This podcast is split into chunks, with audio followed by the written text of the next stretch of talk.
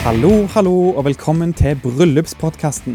Dette er podkasten for deg som skal gifte deg og planlegge bryllup. Jeg heter Eirik Halvorsen, og jeg jobber som bryllupsfotograf. og I denne episoden skal du få møte Harald Ellingsen. Han jobber som komiker og toastmaster, og vi går i dybden på gode tips for å holde en god tale. Han er ekspert på å snakke på en scene, så dette vil du høre. Eh, vi diskuterer om barn skal få være med i bryllup og om det er OK at gjester filmer og poster i sosiale medier og deler bilder i sosiale medier. Hva gjør du hvis det regner på bryllupsdagen? Og forskjellen på amerikansk og indisk og norsk bryllup. Hvis du er av den visuelle typen, så fins det en videoversjon av denne podkasten på bryllupspodkasten.no. Der ser du òg bilder og illustrasjoner for de tingene som vi snakker om i episoden, i tillegg til linker og beskrivelser. Husk å følge at bryllupspodkasten på Instagram og TikTok. Send en melding, si hei, skriv en kommentar. Jeg vil veldig gjerne høre fra deg.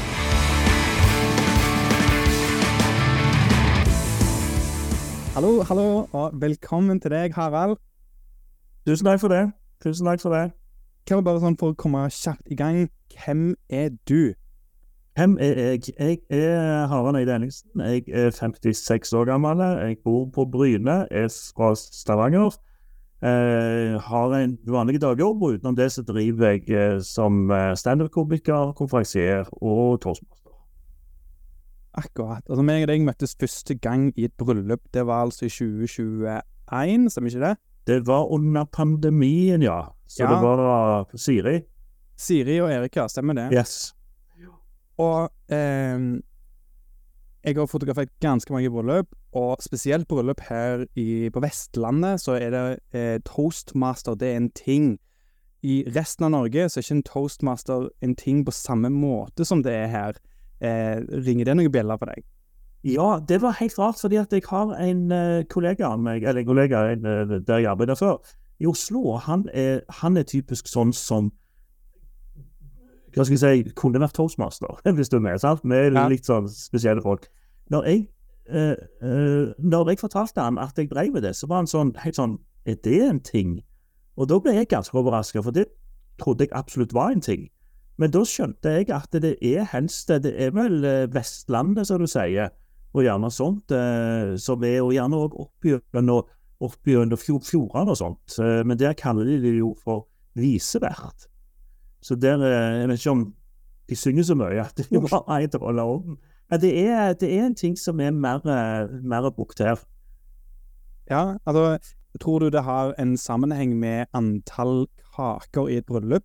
Om hvor, eh, hvor viktig det er med toastmaster? Jeg føler eh, jo flere kaker det er i bryllup, jo større sjanse er det for at det er en toastmaster. Det er helt riktig. Jeg var, jeg var toastmaster. Det var noen venner av meg. og de var fra, eh, Han var fra Nordfjordeid, og hun hadde òg slekt oppover der. De hadde Hva var det jeg fant ut? De hadde én kake per to eh, De hadde én kake per to gjester.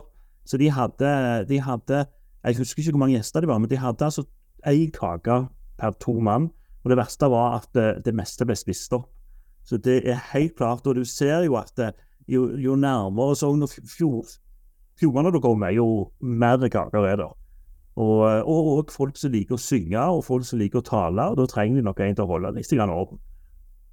Stemmer det. Jeg har faktisk fotografert et bryllup i Nordfjordeid, og det er helt riktig. Jeg tror de hadde mer enn 50 kaker, og de var rett over 100 gjester. Ja, da, da er nok det en sånn ratio som de har.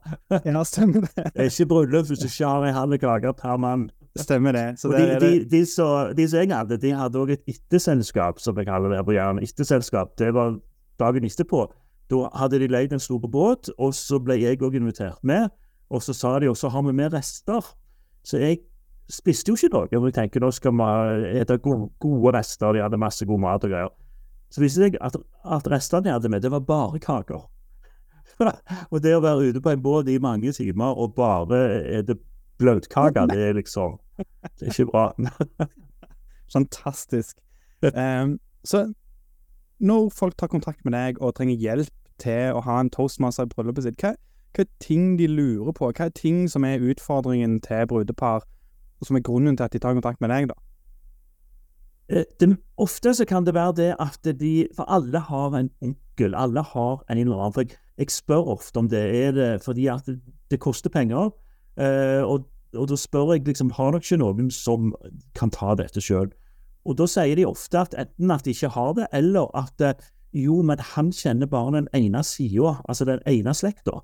Eh, og da kan det bli veldig ubalansert. Så de ønsker noen som på en måte kommer utenfra, og som, eh, og som kjenner like lite eller mye til alle. Eh, og så er det òg, og det jeg alltid sier, det er at min jobb som toastmaster er at brudeparet skal slappe av. De skal ikke tenke på kommer maten. Og sånn. Det er klart det er det jeg som gjør. Sånn at de skal slappe helt av.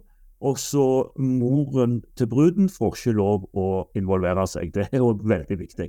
Jeg, jeg hadde som klausul en gang at jeg skulle få lov å låse brudens mor inn i et skap om hun starta på noe. Så Men det, det, har gått greit. Hun fikk lov å være ute. så bra, så bra. Så hva er prosessen din da, når et å tar kontakt og ender opp med faktisk booke deg? Hva, hvor mye involverer du deg, og hvor mye snakker du med selve brudeparet? Snakker du med andre i familien deres? Altså, kan du fortelle litt om det? Jeg, er, jeg vet om mange trosmater som er veldig hyppige på at de skal lære seg alt om alle, om alle gjestene, alt det der. For å si det rett ut, uh, ærlig skal vi være, så er ikke jeg så opptatt av det. Jeg har et møte med brudeparet. Uh, jeg vil gjerne ha det hjemme hos de. Jeg sier ofte det fordi det er mest praktisk for de, men egentlig er det òg for meg, for da får jeg liksom danne meg et inntrykk av åssen er disse her. Det er litt viktig for meg å, å, å bli kjent med brudeparet og høre litt om slekta, høre litt om hva de driver med, hvor er de fra, all slags sånt. Men jeg, jeg, er ikke den som setter meg ned og pugger gjestenes navn og sånt, fordi jeg er veldig opptatt av at det som skjer uh, på festen, det skal være spontant, det skal være jeg pleier vel å kalle det formelt uformelt. Altså, vi har liksom rammer å gå etter. Det er en talerekkefølge, det skal skje, det skal skje, og sånn.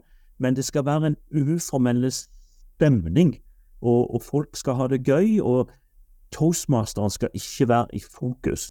Det er en av de tingene som jeg likte ekstra godt med deg, og som imponerte meg i bryllupet til Siri og Erik, at ting fløyt veldig fint. Og selv om du Du sier jo selv du er en standup-komiker, og du har mye vitser og alt dette, så tok du ikke mye plass. Det var at du, du styrte og drog i trådene akkurat der det trengtes, og jeg syns det var på en sånn smakfull måte. Eh, og hva du nettopp sa? At du eh, eh, Du prøver ikke å være den som tar mest oppmerksomhet. Jeg skal ikke nevne noen navn på noen, men jeg har fotografert et bryllup hvor toastmasteren eh, eh, møtte opp i en dress med fullt av smileyfjes på, og smileyfjes på slipset, og bare tok de groveste sånn eh, 50-tallslag vitser eh, i løpet av hele kvelden. Det var rett og slett grusomt. og det virka som han hadde sin helt egen agenda, som gjerne ikke sto helt i stil med verken brudeparet eller hva som skjedde i bryllupet. Eh, sånt høres fælt ut. Jeg, uh, takk for komplimentet som uh, jeg så det vil jeg ha skriftlig, for det er jo akkurat den jeg ønsker å være. Og en som stjeler oppmerksomhet, altså en, en toastmaster skal være en som snakke fram de andre. Det skal være en som, som på en måte henleder oppmerksomheten til at det neste taler er det mest vidunderlige mennesket i hele verden, og blir kun overgått av neste taler. Eh, ikke sant, hvis det er med. Så toastmasteren skal eh, være Selv om jeg gjør standup og, og stikker meg litt fram, så skal jeg allikevel være en slags sånn grå eminense som på en måte bare er med og tilrettelegger for at ting går bra jeg skal ha en myndighet til å kunne bare bestemme at nå er det sånn vi gjør, uten å gå og spørre liksom, brudeparet eller spørre noen. Men jeg skal være den som på en måte har en viss garanti for at festen og kvelden blir bra for alle.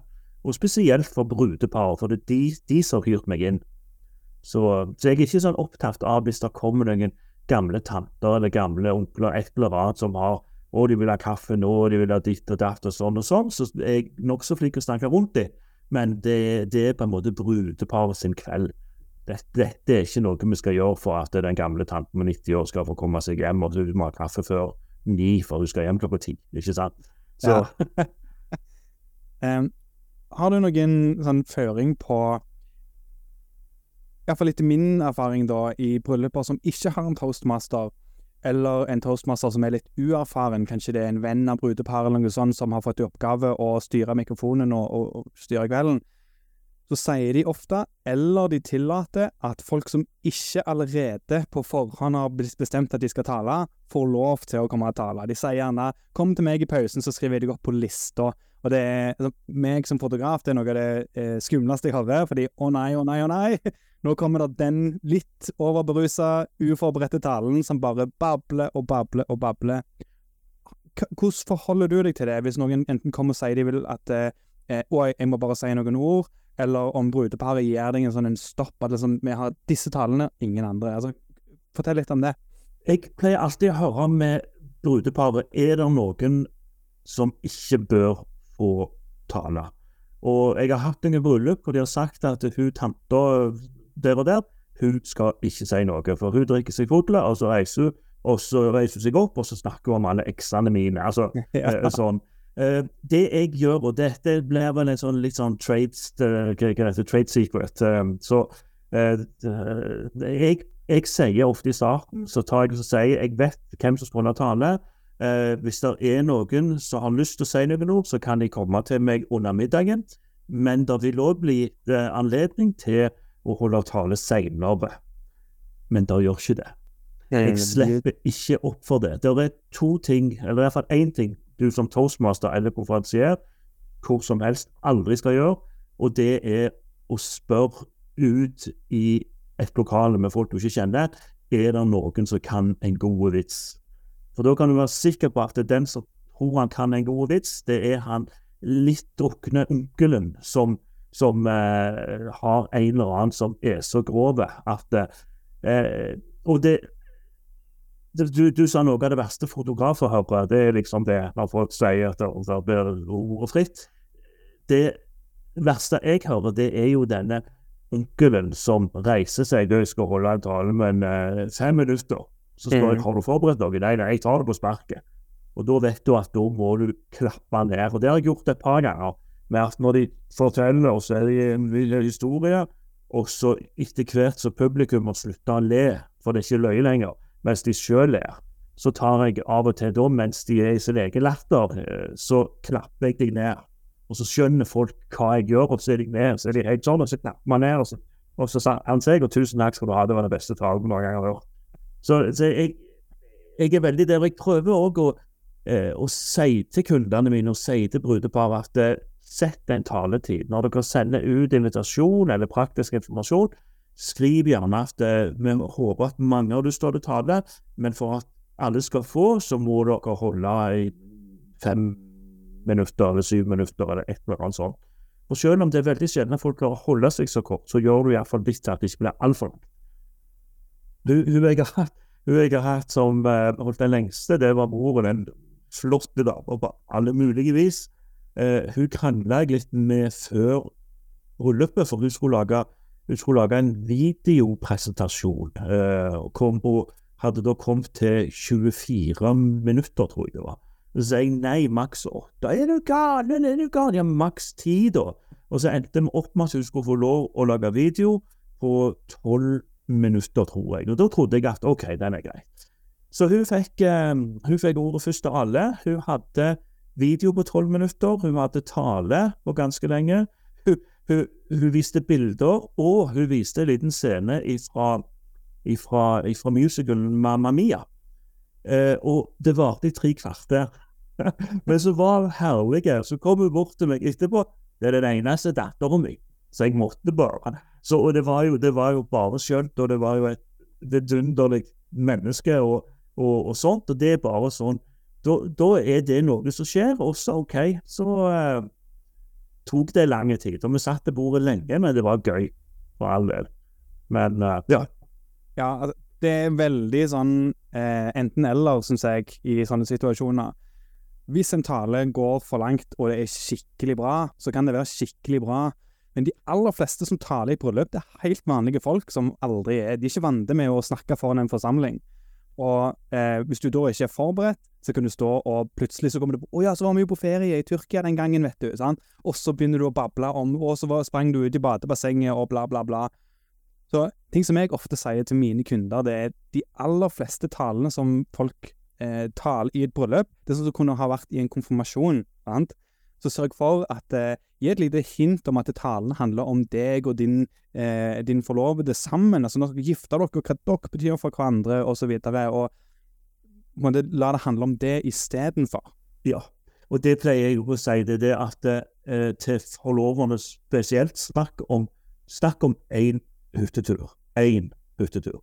Ikke snakk når du kommer inn på den femte turen. Og så er det òg noe med, og det er typisk som du ofte ser når folk lager sang, og dette er ofte hvis du har eh, Altså hvis en av de skifter seg er lærer, så kan du være sikker på at eh, kollegene har lagd en sang. Lærere elsker å skrive sanger. Og dette er ikke bare i bryllup, dette er andre ting òg. Når folk skriver sang, så er det utrolig gøy for de fem som sitter sammen og skriver sang. Men når han skal fremføres, så, så har de delt en opplevelse. Og så får de ikke det nødvendigvis fram når de står og synger, og så er det en tekst som folk ikke klarer å høre etter, og så ler de, og at, så det blir liksom det blir, det blir ikke det samme. Og det er litt med taler òg, at eh, hvis du ikke klarer å få fram den, eh, at du deler en opplevelse her, at hvis det er bare du som har noe, at du ikke får fram hvorfor dette er noe som er relevant for alle, så, så, så blir det ikke bra, ikke sant? Så, så jeg, eh, og jeg, det jeg merker, min erfaring, er at de som er minst vant med å holde taler, ofte er de beste, for de forbereder seg. Fordi de skriver ned, og de holder tida, de er poengterte. Eh, og, eh, men ofte er det de som, og det er jeg òg av og til Jeg er vant med å snakke. sant? Jeg kan reise meg hvor som helst, og jeg kan begynne Men så klarer jeg ikke stoppe. Mm. Sant? Fordi at jeg også ler for Oi, de ler oppmerksomhet. Og så fortsetter, og så fortsetter du. Så det er noe med det. Da vil jeg heller ha de som egentlig ikke kan det. Så viser det seg at de kan det bedre enn oss andre. Så ja. Men du har sikkert hørt mange taler?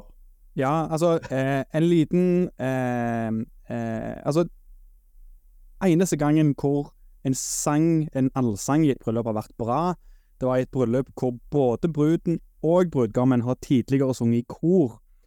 Og hele vennegjengene deres har òg sunget i kor og er musikere og skikkelig sånn musikalsk forsamling, hele gjengen, da.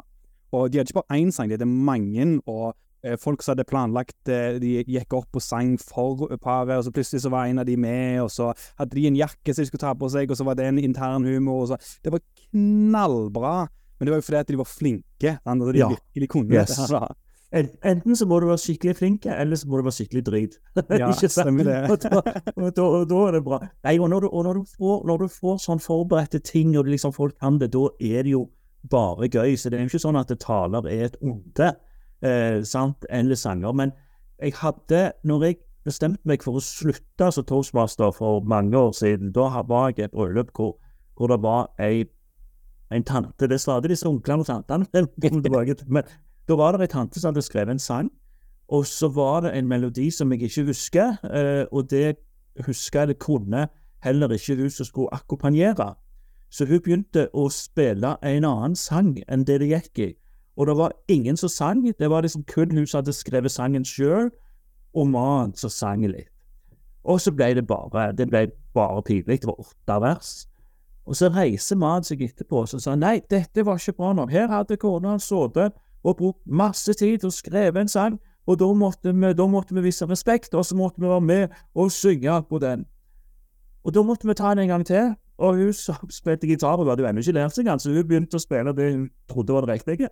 Og det var kun, det var liksom kun mannen der, og hun som hadde skrevet sangen, som sang de første tre versene, og så de neste fem versene, da var det kun hun da som klimpra og, og hadde feil sangen. Altså, det, det ble Og da, da Jeg husker ennå Jeg satt der og så tenkte Jeg satt der liksom Harald, dette er ditt siste bryllup.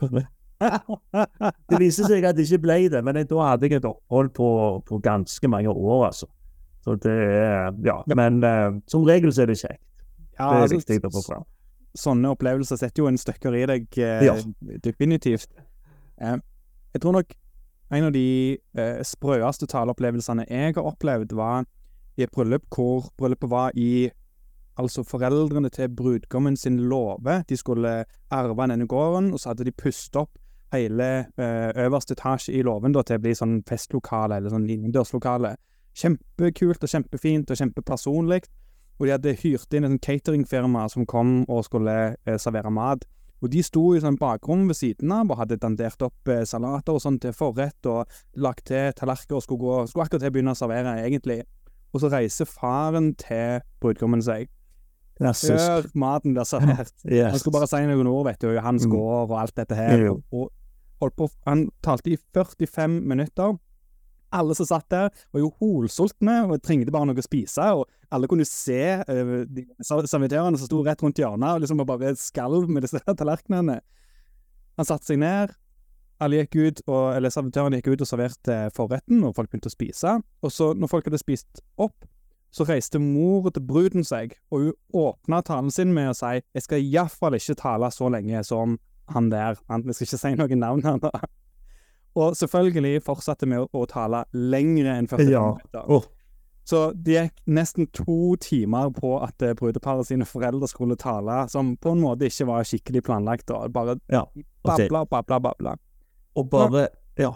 Eh, du som jobber som standup-komiker, du er vant med å skrive tekster, du er vant med å snakke på en scene, snakke i mikrofon, du er vant med å gjerne forkorte litt, eller forbedre setninger eller punchlines osv. Har du ett eller tre gode taletips til helt vanlige folk, som gjerne ikke er vant med å å tale i det hele tatt, men som har kommet til å få, eller har fått i oppgave å holde en tale. Noe, hva er noen gode ja. ting for dem? Skriveprosessen, gjør det personlig. Tenk på hvem de du skal holde tale for, eller den, og, og få med ting. Hvorfor er, hvorfor er, denne personen viktig for deg? Eh, ha gjerne med noen historier som både understøtter det, ting dere har gjort, Eh, ikke som sagt, ikke alle førsteturene dere har vært på, men, men, gjerne om dere har gjort et eller annet. Eh, er du, er du venninne med bruden, så snakk om bruden. Snakk òg om brudgommen. Hvis du ikke kjenner han særlig, ikke, ikke liksom prøv å, snakke om noe du ikke vet. Hold det personlig. Når du holder talen, eh, enten hvis du, hvis du føler du må, så leser du den opp. Det er helt greit. Hvis ikke, så har du gjerne talen eh, ha teksten liksom ei side, så skriver du nøkkelord. Sånn at du vet at du skal, ok, jeg vet jeg skal snakke om det, og så vet du at ok, hvis du kommer litt ut av det, så å ja, her står det hyttetur til Finset, og da er det den du skal snakke om. Eh, jeg har òg gitt litt råd at eh, det var en gang, og det var en, en, eh, det var en mor som sa hvis jeg ser på dattera da kommer jeg jo til å grine. Jeg klarer ikke dette. Og da ga jeg et råd. Da går du bak dattera di, så står du bak der, og så holder du hendene opp på skuldrene, og så snakker du på en måte ned til henne. Da slipper du å se noe, og, og, og det gjorde du, og det gikk jo kjempefint. Sant? Så det er egentlig det å, å holde, det, holde det personlig. Ehm, eh, Klarer ikke se på vedkommende, så still deg opp hvor, hvor du liksom ser henne uten å se henne i ansiktet, eh, og vær mest mulig edru. Det er mange som drikker seg opp før de skal ha tale. Det er sjelden en god idé. Mm. Eh, fordi at da blir du gjerne overbevist om hvor uh, dette går kjempebra, og så, så, gjør det kanskje egentlig ikke det.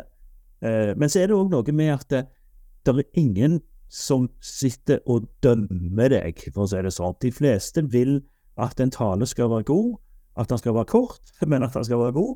Uh, og, og, og er, alle vet jo altså Det var vel Seinfeld som sa det at uh, at forskning viser at folk er mer redd for å holde tale enn å dø. Så de vil heller ligge i kisten enn å stå ved siden av og holde tale. Og det, det er en, for Jeg har sett folk, jeg har hjulpet folk som står og skjelver. altså de står, de står helt sånn. Og da, og da, er det, da, er det, da er det egentlig bare du, Vet du hva du skal si? Har du det skrevet så går det som regel bra. Dersom du kommer ut av det eller glemmer noe, så vet ikke gjestene hva du har tenkt å si. Så det er ingen, hvis du liksom bare sier en tredjedel av det du egentlig hadde tenkt å si, så det er ingen på nettet. Så du blir ikke dømt for at han skulle, han skulle egentlig ha sagt mer, men de syns bare det er bra at han ikke sa for mye. Ikke sant? Så det er liksom Det, det, det bare gjør det. Mm. Men det er kjempegode, kjempegode tips. hold det personlig, og ikke minst hold det kort. Du trenger ikke fortelle om absolutt alle nyanser av absolutt alt, men en god, eh, god historie som understreker hvorfor denne personen betyr noe for deg, det, det er kjempe, kjempetips. Eh, Kona mi hun har eh, jobbet en del med å holde foredrag på, på en scene, og hun har tatt en del kurs rundt det, og hun har også blitt hyrt inn til å være en av de som hjelper folk som er på det kurset, med å bli flinkere å holde foredrag. Og en ting som hun lærte, som jeg syns var veldig eh, sånn lett, å, lett, å, holde fast med, på en måte, som jeg har brukt når jeg har holdt foredrag, og når jeg holder kurs og sånt, det er eh, for, for, eksempel hvis du ringer til Rolling Stones, bare sier at du, du har nummeret til Mick Jagger. Sant? As one does. ja, sant? Og så får du de til å komme eh, hjem til deg og spille en konsert. Tror du at de må øve på sangene sine først, da? Sant? Nei, de, de, spiller bare den sangen og den sangen og den sangen, og så spør du hey, kan dere spille den, for den liker jeg så godt. Ja, ja, ingen problem. Én, to, tre, fire, så begynner du å spille. Så Sånn går det an å tenke om en tale òg. Du har for eksempel historien om da når vi var på hytta. Da skal du si disse tingene, og så er det det som er historien om hytta. Og det har en eh, stikkord hyttetur, sant? og så gjerne en ring rundt. Sant? Så er det en annen historie om eh, når dere eh, treftes på skolen, f.eks. Første skoledag, eller hva det enn som gjorde at eh, dere ble venner. Sant? OK, det var den når vi treftes på skolen. Så det, så, så blir hver historie som en sang. Så istedenfor å huske en hel tale, da, så bare husker du de tre-fire forskjellige sangene du skal eh, snakke om. Altså sanger i anførselstegn, da. Er det noe som eh, Når du jobber som standup-komiker, er det en måte som du tenker på når du har forskjellige historier og forskjellige punchlines og sånt? Ja, det er det absolutt. Jeg har og ser litt. Det, det, det, er akkurat det jeg gjør. Jeg, jeg, jeg, jeg hadde en men nå var han ikke her. Jeg, jeg, skriver, jeg skriver punkter. Når jeg starter, så skriver jeg en tekst, og da har jeg en hel tekst. Og så har jeg punkter. Sånn som nå når, jeg, eh, når vi hadde et show på Storpstore i helga, så, så, hadde jeg en tolv minutter standup i starten. Og da la jeg inn et, et ark. Da var jeg så veldig opptatt av at jeg må huske hva jeg sant? Jeg, jeg må si det, jeg må si det. For ofte når jeg går på, så er det ikke så farlig. Igjen, folk vet ikke hva jeg skal snakke om. Ikke sant? Så, men, men, da må, måtte jeg, på grunn av at jeg hadde med resten av showet å gjøre. Og da hadde jeg punkter. Og så sto det på en måte eh, nei, og da vet jeg da skal jeg snakke om språket på Jæren. Eh, jeg hadde om eh, to-fire står der, og da vet jeg at da snakker jeg ikke praktiske. Så det å ha ha punkter er veldig bra, for da, blir det òg mer muntlig, ikke sant? Så det, så det, er, det er, en veldig god greie. Og, og som standup-komiker så, så, er jeg litt opptatt av når jeg skal Hvis jeg skal stå 20 minutter, halvtime kanskje, så vil jeg gjerne ha at jeg, jeg vil gå fra sted til sted. Jeg vil begynne med eh, vektutfordringer. Jeg vil, gå, jeg vil gå der, jeg vil gå der, jeg vil gå der. Men det gjør òg at jeg har masse jeg har masse knagger, sånn at hvis det blir snakk om Noen begynner å snakke om slanking, så har jeg ei greie der. Noen begynner å snakke om det å være praktisk, så har jeg ei greie. Ikke sant? Så det å ha det som bolker er veldig, veldig bra tips. Ja, kjempebra. Um, når vi er inne på taler, for eh, folk er jo livredde for taler, og i bryllup så er det en del litt sånn tradisjon, litt kutyme det er, eh, sånn Tradisjonelt så skal vel egentlig mora til brudgommen og faren til bruden, og så er det begge sine forlovere. Og det er egentlig bare brudens uh, foreldre som først. Og ja. så er det brudgommen, og så er det forloverne, og så er det brudgommens far eller familie. Ja, og, og, det, og ja. det er på en måte de eh, kall det obligatoriske talene. Og så er det noe som jeg tror henger igjen fra sånn militærmiddager som har beveget seg inn i bryllup, og det er takk for maten-talet. Ja. Mm. Og eh, vet du hvor takk for maten-talet kommer fra? Er det sånn militærtradisjon, det? Det vet jeg ikke, eh, for det er det er noe som er Jeg vet det er vanlig i Norge, men jeg vet at annet i Frankrike så er det veldig uvanlig eh, å gjøre det. Eh, men eh, jeg, jeg, vet ikke hvor det kommer fra. Jeg syns at det er en fin tradisjon så lenge du får rette personen til å gjøre det. Jeg, der er jo et ordtak som sier det at en takk for maten-tale eh, skal være som en kvinnes sommerkjole. han skal være lang nok til å dekke det vesentlige, men han skal være kort nok til at han er interessant. Jeg vet ikke om lov å si så lenger, men, altså, men det, er, det, er, det, er, litt For det er en veldig fin gest, altså, syns jeg, at en, at en takker for fordi at en takk for maten-talen er jo en tale på vegne av gjestene for å, å takke for seg, nærmere, sant? og takke for at de ble invitert. Eh, dersom en har det på et, eh, et leit lokale hvor en gjerne har, eh, hvor en gjerne har venner som serverer, så er det veldig fint å få inn de, og få takk de, og sånn. Eh, det er ikke nødvendig å, å, å si detaljert hva alt vi har spist. Sant? Men hensikten er på en måte å takke for gjestene, at de fikk lov å komme, og dette har vært en vakker kveld. Eh, og sånn.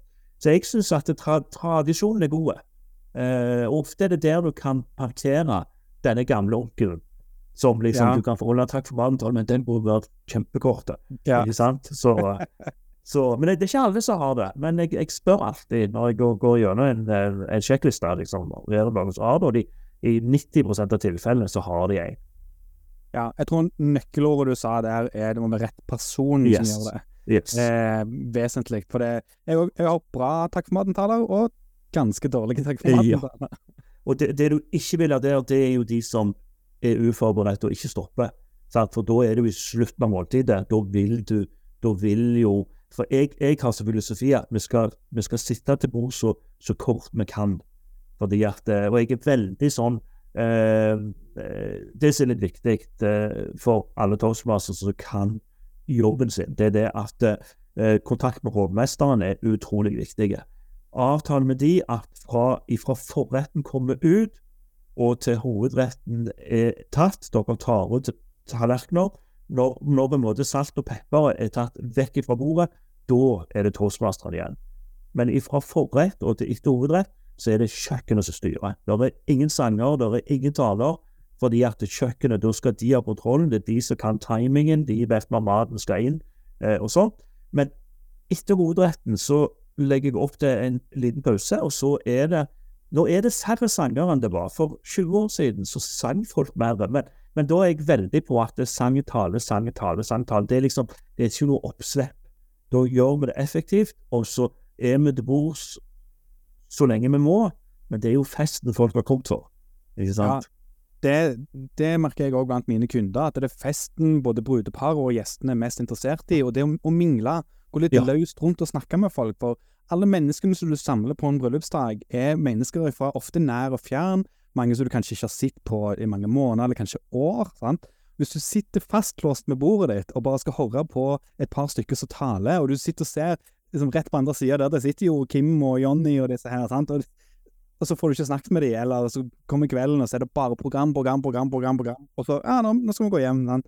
det er ikke kjekt. Så å sette opp ja, og, og bare si det, å sette opp middagen sånn at det, det er middag, og så et par korte taler som er betydningsfulle og meningsfulle, og så gå rett over til mingling og fest.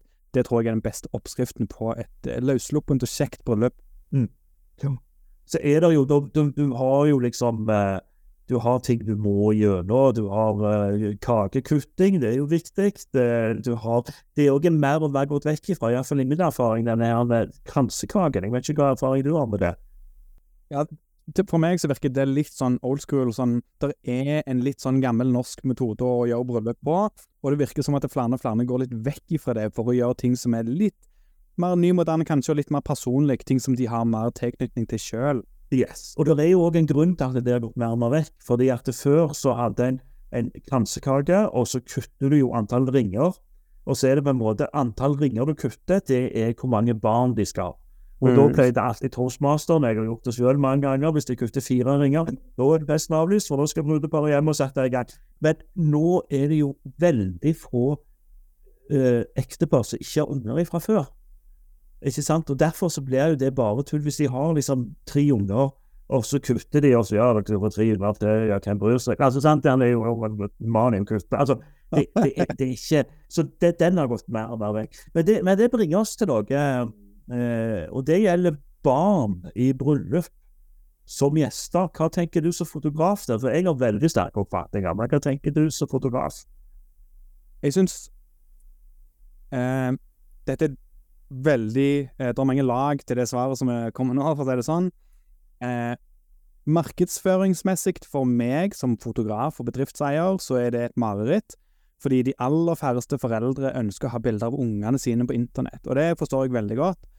Og eh, det bringer meg til det som er den neste utfordringen min, da. Det er eh, når brudeparet har unger, og når det er flere unger i eh, bryllupet, så da, da jeg, det er det eneste jeg fokuserer på, nesten. sant? Det er Hvor er ungene, hva gjør de? Jeg følger etter de som en hauk. Jeg legger meg på gulvet og fotograferer de. Jeg prøver å få så gode bilder som mulig av ungene i denne her voksnes verden, på en måte. Eh, de aller fleste eh, kundene mine som har unger fra før av, som ønsker å booke meg som fotograf, de vil at jeg skal gjøre det. Men det er sinnssykt vanskelig for meg å vise det. Det er sinnssykt vanskelig for meg å eh, visuelt forklare og, og um, Hva skal jeg si eh, Ja, altså vise til noen som ikke vet at det eksisterer. Det er veldig vanskelig å vise det på forhånd uten at jeg sier det med ord, eller at jeg får tillatelse fra noen til å sende ei mappe med bilder kun til den personen. Um, så for å svare på spørsmålet ditt, så syns jeg barn i bryllup det er kjempekjekt dersom du lar barn være barn. Men hvis du har planer om å ha et sånn voksenbryllup, hvor det skal være litt sånn uppedy, og folk skal stå med eh, martiniglass og en, og barn er litt mer i veien enn at de skal ligge i barnevogna i, i, gangen og egentlig kunne sove, det er ingen god idé. Så hvis du har planer om å ha barn med i bryllup, gå all in. Eh, hvis du har planer om å ha et voksenbryllup, og at barn egentlig er i veien, kanskje du skal finne en eh, sånn barnepass akkurat den kvelden. Jeg, jeg, er veldig på det siste. Eh, for når, når, folk spør meg om råd eh, med unger, så sier jeg ikke ta dem med. Eh, det, det, spørs alderen på dem. Men hvis du har ok, har du spedbarn eller ting, men hvis det er sånn som kan gå ifra de kan gå og oppover, så er de så oppgallra, for å si det sånn. Og så er det noe med at en mor kanskje bare liksom når du er vekk, sant? Og, og, og da er ungene i fokus hele tida, og så får de masse oppmerksomhet, og så dreier alt seg rundt de. Og et, et, et bryllup er, det er brud. Det er litt brudgom, men han er egentlig ikke så viktig. Det er bruden. Det er hun som skal være i sentrum. Så jeg sier at får du ungene, ha de med i kirka. La de gå opp gjennom kirka med noen blomster. Det er fint. Ha de med og ta bilder av dem, så de kan ha i egne albumlås, ikke bli lagt til internett. Sant? Men, men før middagen, send de hjem. Eller la de være under forretten, send de hjem. Fordi at ellers så krever de så enormt med oppmerksomhet at det blir Det tar, det tar oppmerksomhet vekk fra det du egentlig skal ha oppmerksomhet på, bruden og brudeparet. Så, jeg, eh, så for meg så er det en ganske forstyrrende element. og Spesielt hvis de begynner å skal ha leger. Jeg, jeg, hadde et bryllup for mange år siden mens jeg ennå holdt leger, for å si det sånn, hvor det var, det var én unge, og eneste denne gutten var opptatt av, det var jo at det skulle være leger, for det hadde han hørt det skulle være. Så det var liksom 80 stykk som holdt en lek, mange leger, kun for én unge. Og, og det, det, tenker jeg sånn, det er en sånn bortskjemt unge som går an. Så ja. Så jeg eh, så jeg, jeg syns at unger, eh, helt ærlig, de, de er kjekt med unger, men ikke i bryllup. Så for fotografen mene hva han vil. ja, altså, eh, igjen, jeg, jeg syns det kommer veldig an på hva type bryllup du ønsker å ha. Og jeg, jeg har to eksempler på hvor unger i bryllup er kjempebra. Det ene var jeg tror jeg var i 2016. Eh, de hadde tre unger, brudeparet. Og de hadde søsken som òg hadde unger, og jeg vet ikke hvor mange unger det var, om det var 20 eller 30. Det var iallfall det, var, det unger overalt. Og de hadde altså Det er jo livet deres, og det er sånn de har det hjemme. Og når de endelig skulle gifte seg, så tenkte de vi vil, vi vil ikke ha sånn et vanlig bryllup som alle har, vi vil bare ha et bryllup som er mer oss. Så under vielsen i kirka hadde de snakket med presten på forhånd, og så hadde de snakket med meg på forhånd. Så sa de at det, vi skal la ungene bare få gjøre akkurat det de vil under vielsen. Og det kommer til å bli bråkete, det kommer til å krele unger overalt. Og det gjorde det. Og det ble òg kjempefine bilder av, for at ungene fikk være seg sjøl, og de var jo nysgjerrige på alt som skjedde, og bare gikk og, og lekte og, og, og, koste seg, rett og slett. Og når vi kom til lokalet der som de skulle ha middag, så hadde de lagd det var ikke bare et sånn lite barnelegehjørne, på en måte, men hele halvdelen av lokalet var egentlig til tegnesaker, og det var kister med leker oppi, og ei sånn eh, leketøysutte de hadde slått opp, og ting og tang. Så de gikk all in den veien. Og, og det, men de, de hadde sikkert ikke toastmaster, de hadde sikkert bare en Eh, de hadde en kokk som òg var litt toastmaster, virka det som, eh, som kom og presenterte rettene, og nå må jeg faktisk tenke meg om. Nei, de hadde Jeg blander, for det var samme lokale. Eh, de hadde ei venninne som Ja. var ordstyrer, som Ja. eh, ja, ingen innleide person, men nei, Nei, som var gjest. Og det høres jo kjempebra ut. Altså Hvis det er sånn eh, for, Og det er ekstremt viktig for meg. fordi at det, av og til når jeg sitter i møter før eh, et bryllup, eh, og, og det er gjerne et litt sånn ungt par, så spør de liksom kan vi det, kan vi det? Og da er jeg veldig Dere kan akkurat hva dere vil, for dette er deres dag. Det er ikke foreldre deres dag, det er ikke onklene, tanter, det er ikke venner, det er deres dag. Og, og, og hvis dere vil ha det sånn, så skal dere ha det sånn. Jeg hadde eh, et kjempekult par, eh, og han, han likte ikke Han hadde vært i et bryllup, og han likte ikke mat. Han var, han var veldig vann i maten, som de sier på Jæren. Og han ville ha hamburger. Og da var det hamburger. Det var eh, fantastisk. Og gjestene lovte det sånn hamburger skal ha. Men det var jo knallgodt. Og det er noe med at eh, hvis han Det er jo mye bedre at, eh, at alle spiser noe han liker, enn at han skal sitte der og lide seg gjennom en kveld med ting han ikke liker. Så det er noe med at eh, vil du ha et bryllup med 30 unger, og handle, handelen er liksom leger, helt topp. Vil du ha et bryllup uten unger, helt topp. For det er brudeparet, det er de som er sjefene. Eh, det er bruden som er sjefen, da, sånn er det jo. Men, sant? Men, og, da, er det og, og, og hvis det er sånn at de vil at bruden skal snakke først, og de vil ikke Alt er på en måte greit. Eh, for det, dette er en, eh, det er en dag Det er brudeparet sin dag. Mm. Det, det, det, og det er veldig viktig, syns jeg. Ja, jeg er helt enig, og det er en av de tingene som jeg sier til alle som bare tar kontakt med meg, enten det ender opp med å bli en kunde eller ikke. Det, aller, altså, det eneste du må gjøre på bryllup... bryllup det eneste du må gjøre på bryllupsdagen, det å si ja. Utenom det så kan du gjøre hva du vil, og om du vil gjøre det ene på morgenen og det andre på kvelden, eller bytte om, eller om du vil ha det stort eller lite. Så bare gjør dagen om til det du vil at den skal være sjøl. Eh, Det er jo herlig når jeg kommer på møter, og så er det alltid bruden, sånn er det, som har en perm. Og der har de liksom alt klart, og da vet jeg at dette går bra. sant? De, og de er litt opptatt av at det skal være sånn, og det skal være sånn, og det skal være sånn. Helt topp. Helt topp. Og så kommer du gjerne til noen andre, og de liksom Nei, jeg vet ikke hva jeg skal på meg engang.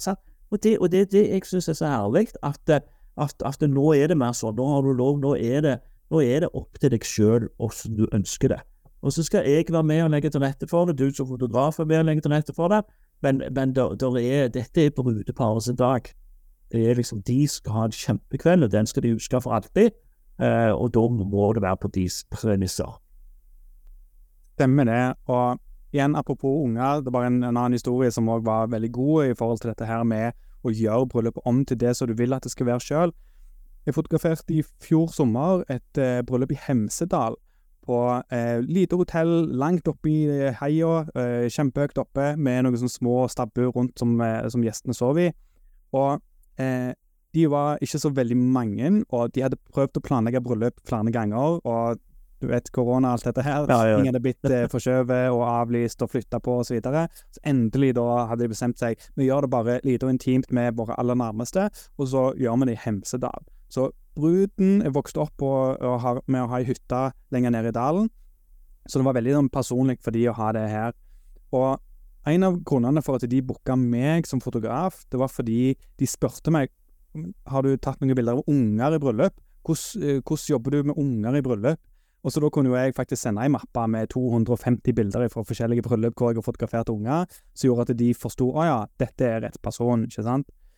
Og det, en ting som de spurte om altså Nå, nå kommer vi tilbake til det med, eh, med kommunikasjon og det å eh, eh, få meg til å vise til folk hva som går an. De sa at eh, på selve bryllupsdagen, etter vielsen og alt det der, så skulle de ha litt kaker og litt sånn småmat og litt sånt, og stå og eh, kose seg ut forbi. Og så skulle de ha en slags pause, sånn ca. to timers pause, fra, fordi ungene skulle legge seg, og så skulle de ha, møtes igjen i sjutida da for middag og, og litt sånn voksenkveld, ikke sant. Så de men hva med disse to timene? Eh, går det an at vi ikke betaler for de? Kan du bare gå og sette deg i hytta, og så sitter du og venter, da, og så kommer du tilbake igjen til middagen?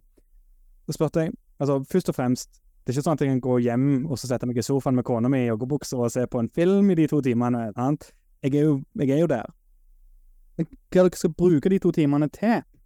Så jeg, jo, vi skal legge ungene, som jeg kommer til å gå i hytta og liksom være der og, og, bruke tid på det. Så eh, alle gjestene kommer sikkert til å trekke seg litt tilbake igjen og litt sånn, og det blir ikke så veldig mye å fotografere, tenker vi da. Så jeg, ja, men hva pleier dere å gjøre når dere legger ungene? Jo, vi leser bok, og så spiser vi kveldsmat, og så pusser vi tennene og så videre, og så hadde ikke det vært koselig å ha bilder av, sant? Så begge to bare så på hverandre og hadde ikke tenkt på det engang, for de så jo på meg som en bryllupsfotograf. Tenkte at ja, jeg fotograferer bryllup, sant? Men jeg var jo der, og jeg er jo interessert i det som gjør mine kunder til kunder, da. Så når jeg bare sa jeg, jo, jeg er jo der, kan ikke jeg være med på leggetid? Kan ikke jeg fotografere når dere leser i bøker, og når dere spiser kveldsmat og sånn? Og plutselig så ble de kjempegira, og det var jo kjempefine bilder av det, som virkelig er liksom, Det forteller jo om de som familie, ikke sant? Så det òg syns jeg er eh, Jeg er så forkjemper for at et bryllup trenger ikke nødvendigvis å være den der firkanta boksen og hva folk tror eller syns at et bryllup skal være. Så lenge du kan gjøre det til ditt eget, og bare lage det om til sånn som du vil det skal være, så kan du få en fantastisk dag. Det er det, jeg òg syns uh, i bryllupet til Siri og Erik, det var jo Først jeg så det jo og, og, de bildene der, det er jo et av de beste bryllupsalbumene, om ikke det beste jeg har sett. fordi du er jo enormt flink til å, å ta bilder, ikke bare de tradisjonelle bildene, men du er høyt og lavt eh, bokstavelig talt, og du får liksom tatt de der eh, Det er jo ikke hverdagslige bilder i bryllup, men det er de der situasjonene som du aldri hadde tatt bilde av. Altså på dansegulvet, altså ting, og når folk holder tale, så tar du gjerne bilder av en annen enn den sant? og tar bilder en ser på og får et ansiktsuttrykk. Det er liksom for Ofte er det jo sånn når du reiser på ferier, eh, og det, det irriterer meg ofte grenseløst, og da tar du bilder alltid når du sitter og spiser og så sitter alle og så skåler de. Og det er jo, sånn, 90% av alle bilder fra utlandet er når du sitter på en eller annen fuckings restaurant, og så er det noen som skåler. Og det, det, er jo etter bilde nummer tre så er jo det ganske uinteressant. Ikke sant? Så det er jo så der, så der er noe med det, og så, så du sier at det, eh, hverdagslige situasjoner det er jo ikke, Man har ikke bilder av de. Og, og som far sjøl, ofte det beste, det du husker mest når du har unger, det er jo gjerne leggetid, du leser for dem og sant? Og det, det, det, er klart at et bilde av noe sånt hadde jo bringt fram mange flere minner enn det der evinnelige bildet du sitter på restauranten der og altså, sant? Så det er, noe med, det er noe med å fange øyeblikket, men å fange de små øyeblikk, som egentlig er de store. Og så er jeg litt svulstig. ja, jo, takk for så fine ord, Harald. Altså, jeg altså, markedsfører meg som bryllupsfotograf, og det er det som er jobben min, men alle de bryllupstingene som skjer i et bryllup, de skjer i de aller fleste bryllup, og sånn, det skjer uansett. Men det er alt det som skjer innimellom, som gjør hver og en kunde unik, da. Sant? Så jeg jakter etter alle de tingene som skjer imellom, for brudeparet har allerede gjort jobben for meg da med å samle de viktigste menneskene på samme tid, til samme sted, og alt Altså, det som naturlig utspiller seg, da, det er jo det som gjør de Det eh, gir de beste bildene. Helt, helt klart. Og det er jo ofte at folk ikke er Altså oppstilte bilder med ja, sånn innarbeida smil. Ofte på unger så ser du jo de ungene som er vant med å være eh, å være på moren sin Instagram ofte. Sitter der og har så, så fine klær på seg. Men det er ingenting som sjekker når å se en liten Instagram-ungene med, med møtt på seg etter de har lekt i en søleput, så de aldri får lov til. Sant? Altså, det er jo når du klarer å ta de, ta de i øyeblikk som, eh, som, som, ikke er vanlige. Det er jo da det blir skikkelig bra.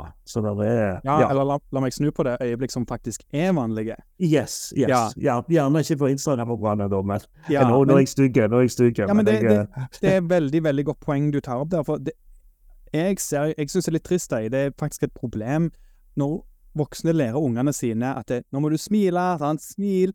Da, for, da lærer ungene at det, å, der er et kamera, da må, jeg, da må jeg skru av på det der ja, yes, smilet yes. som ser så sykt falskt ut. Sant?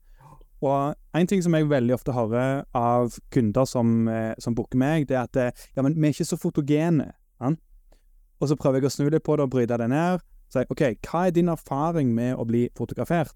Mest sannsynlig så er det du har vært i et familieselskap, og så kommer tante eller onkel med kamera opp i ansiktet. Litt tettere nå. Smil. Eh, Litt tettere.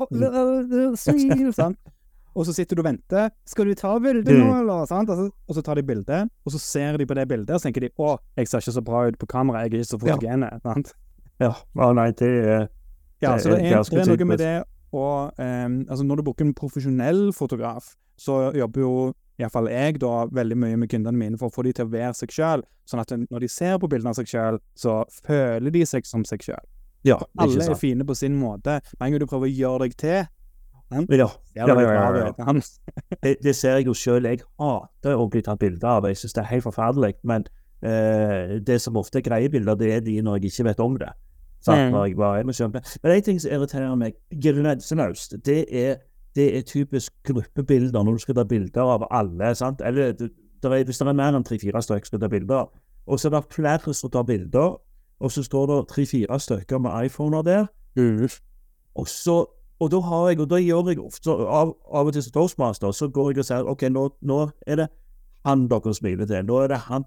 For som regel så har du gjerne en som du kjenner som tar bilder. Da er det da tar du og ser på han. Mens noen andre har en annen som kjenner. Sånn at du får liksom, de ser i alle, i all, alle retninger.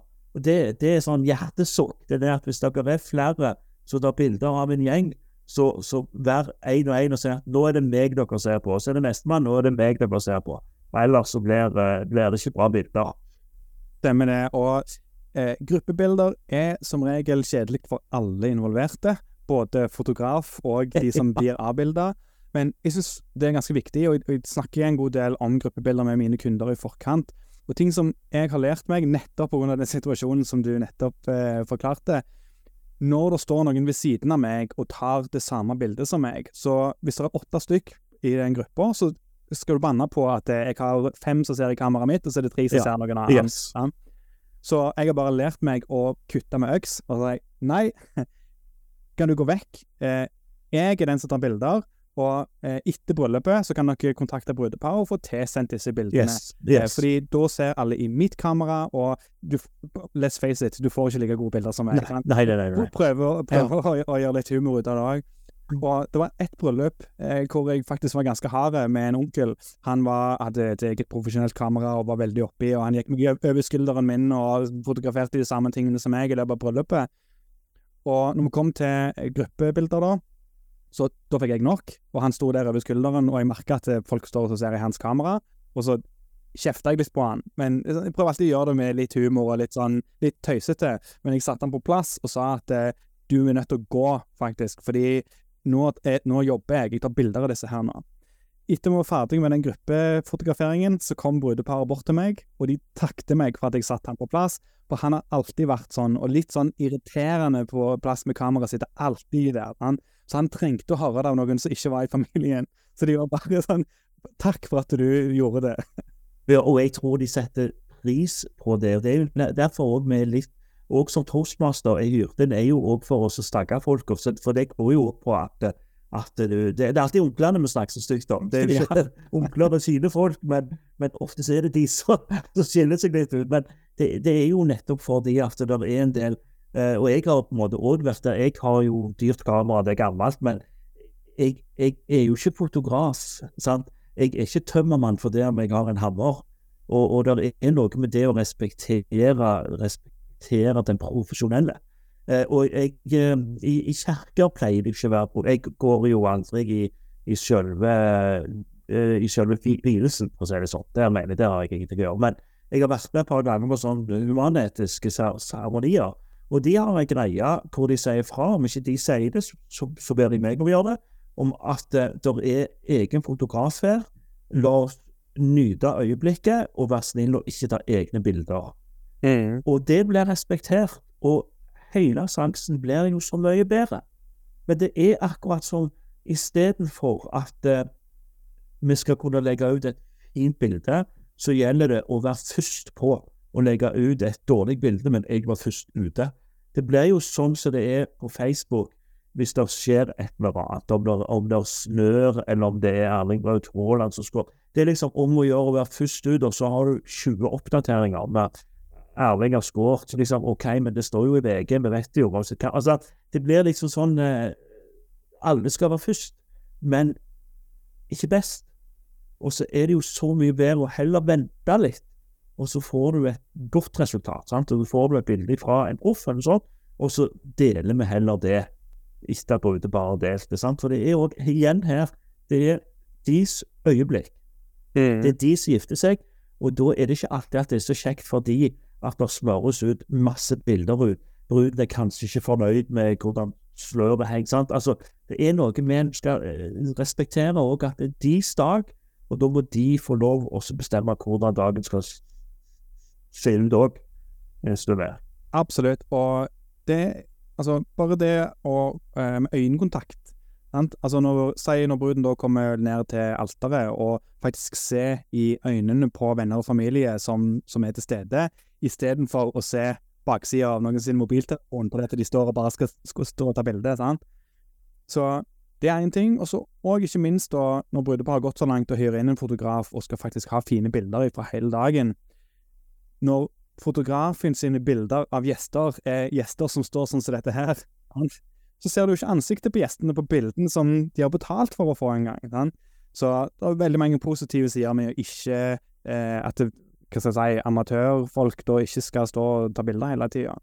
Men det er nok noe med det som du sier med den der eh, å være først ute, eller å oppdatere på snappen sin, eller på storyen, eller eh, alle disse sosiale mediene for å Se på meg, jeg er i bryllup. Å, se så kul jeg er. Se så fin kjole, eller se så fin dress jeg har, sant, eller hashtag bryllup, sant. Ja.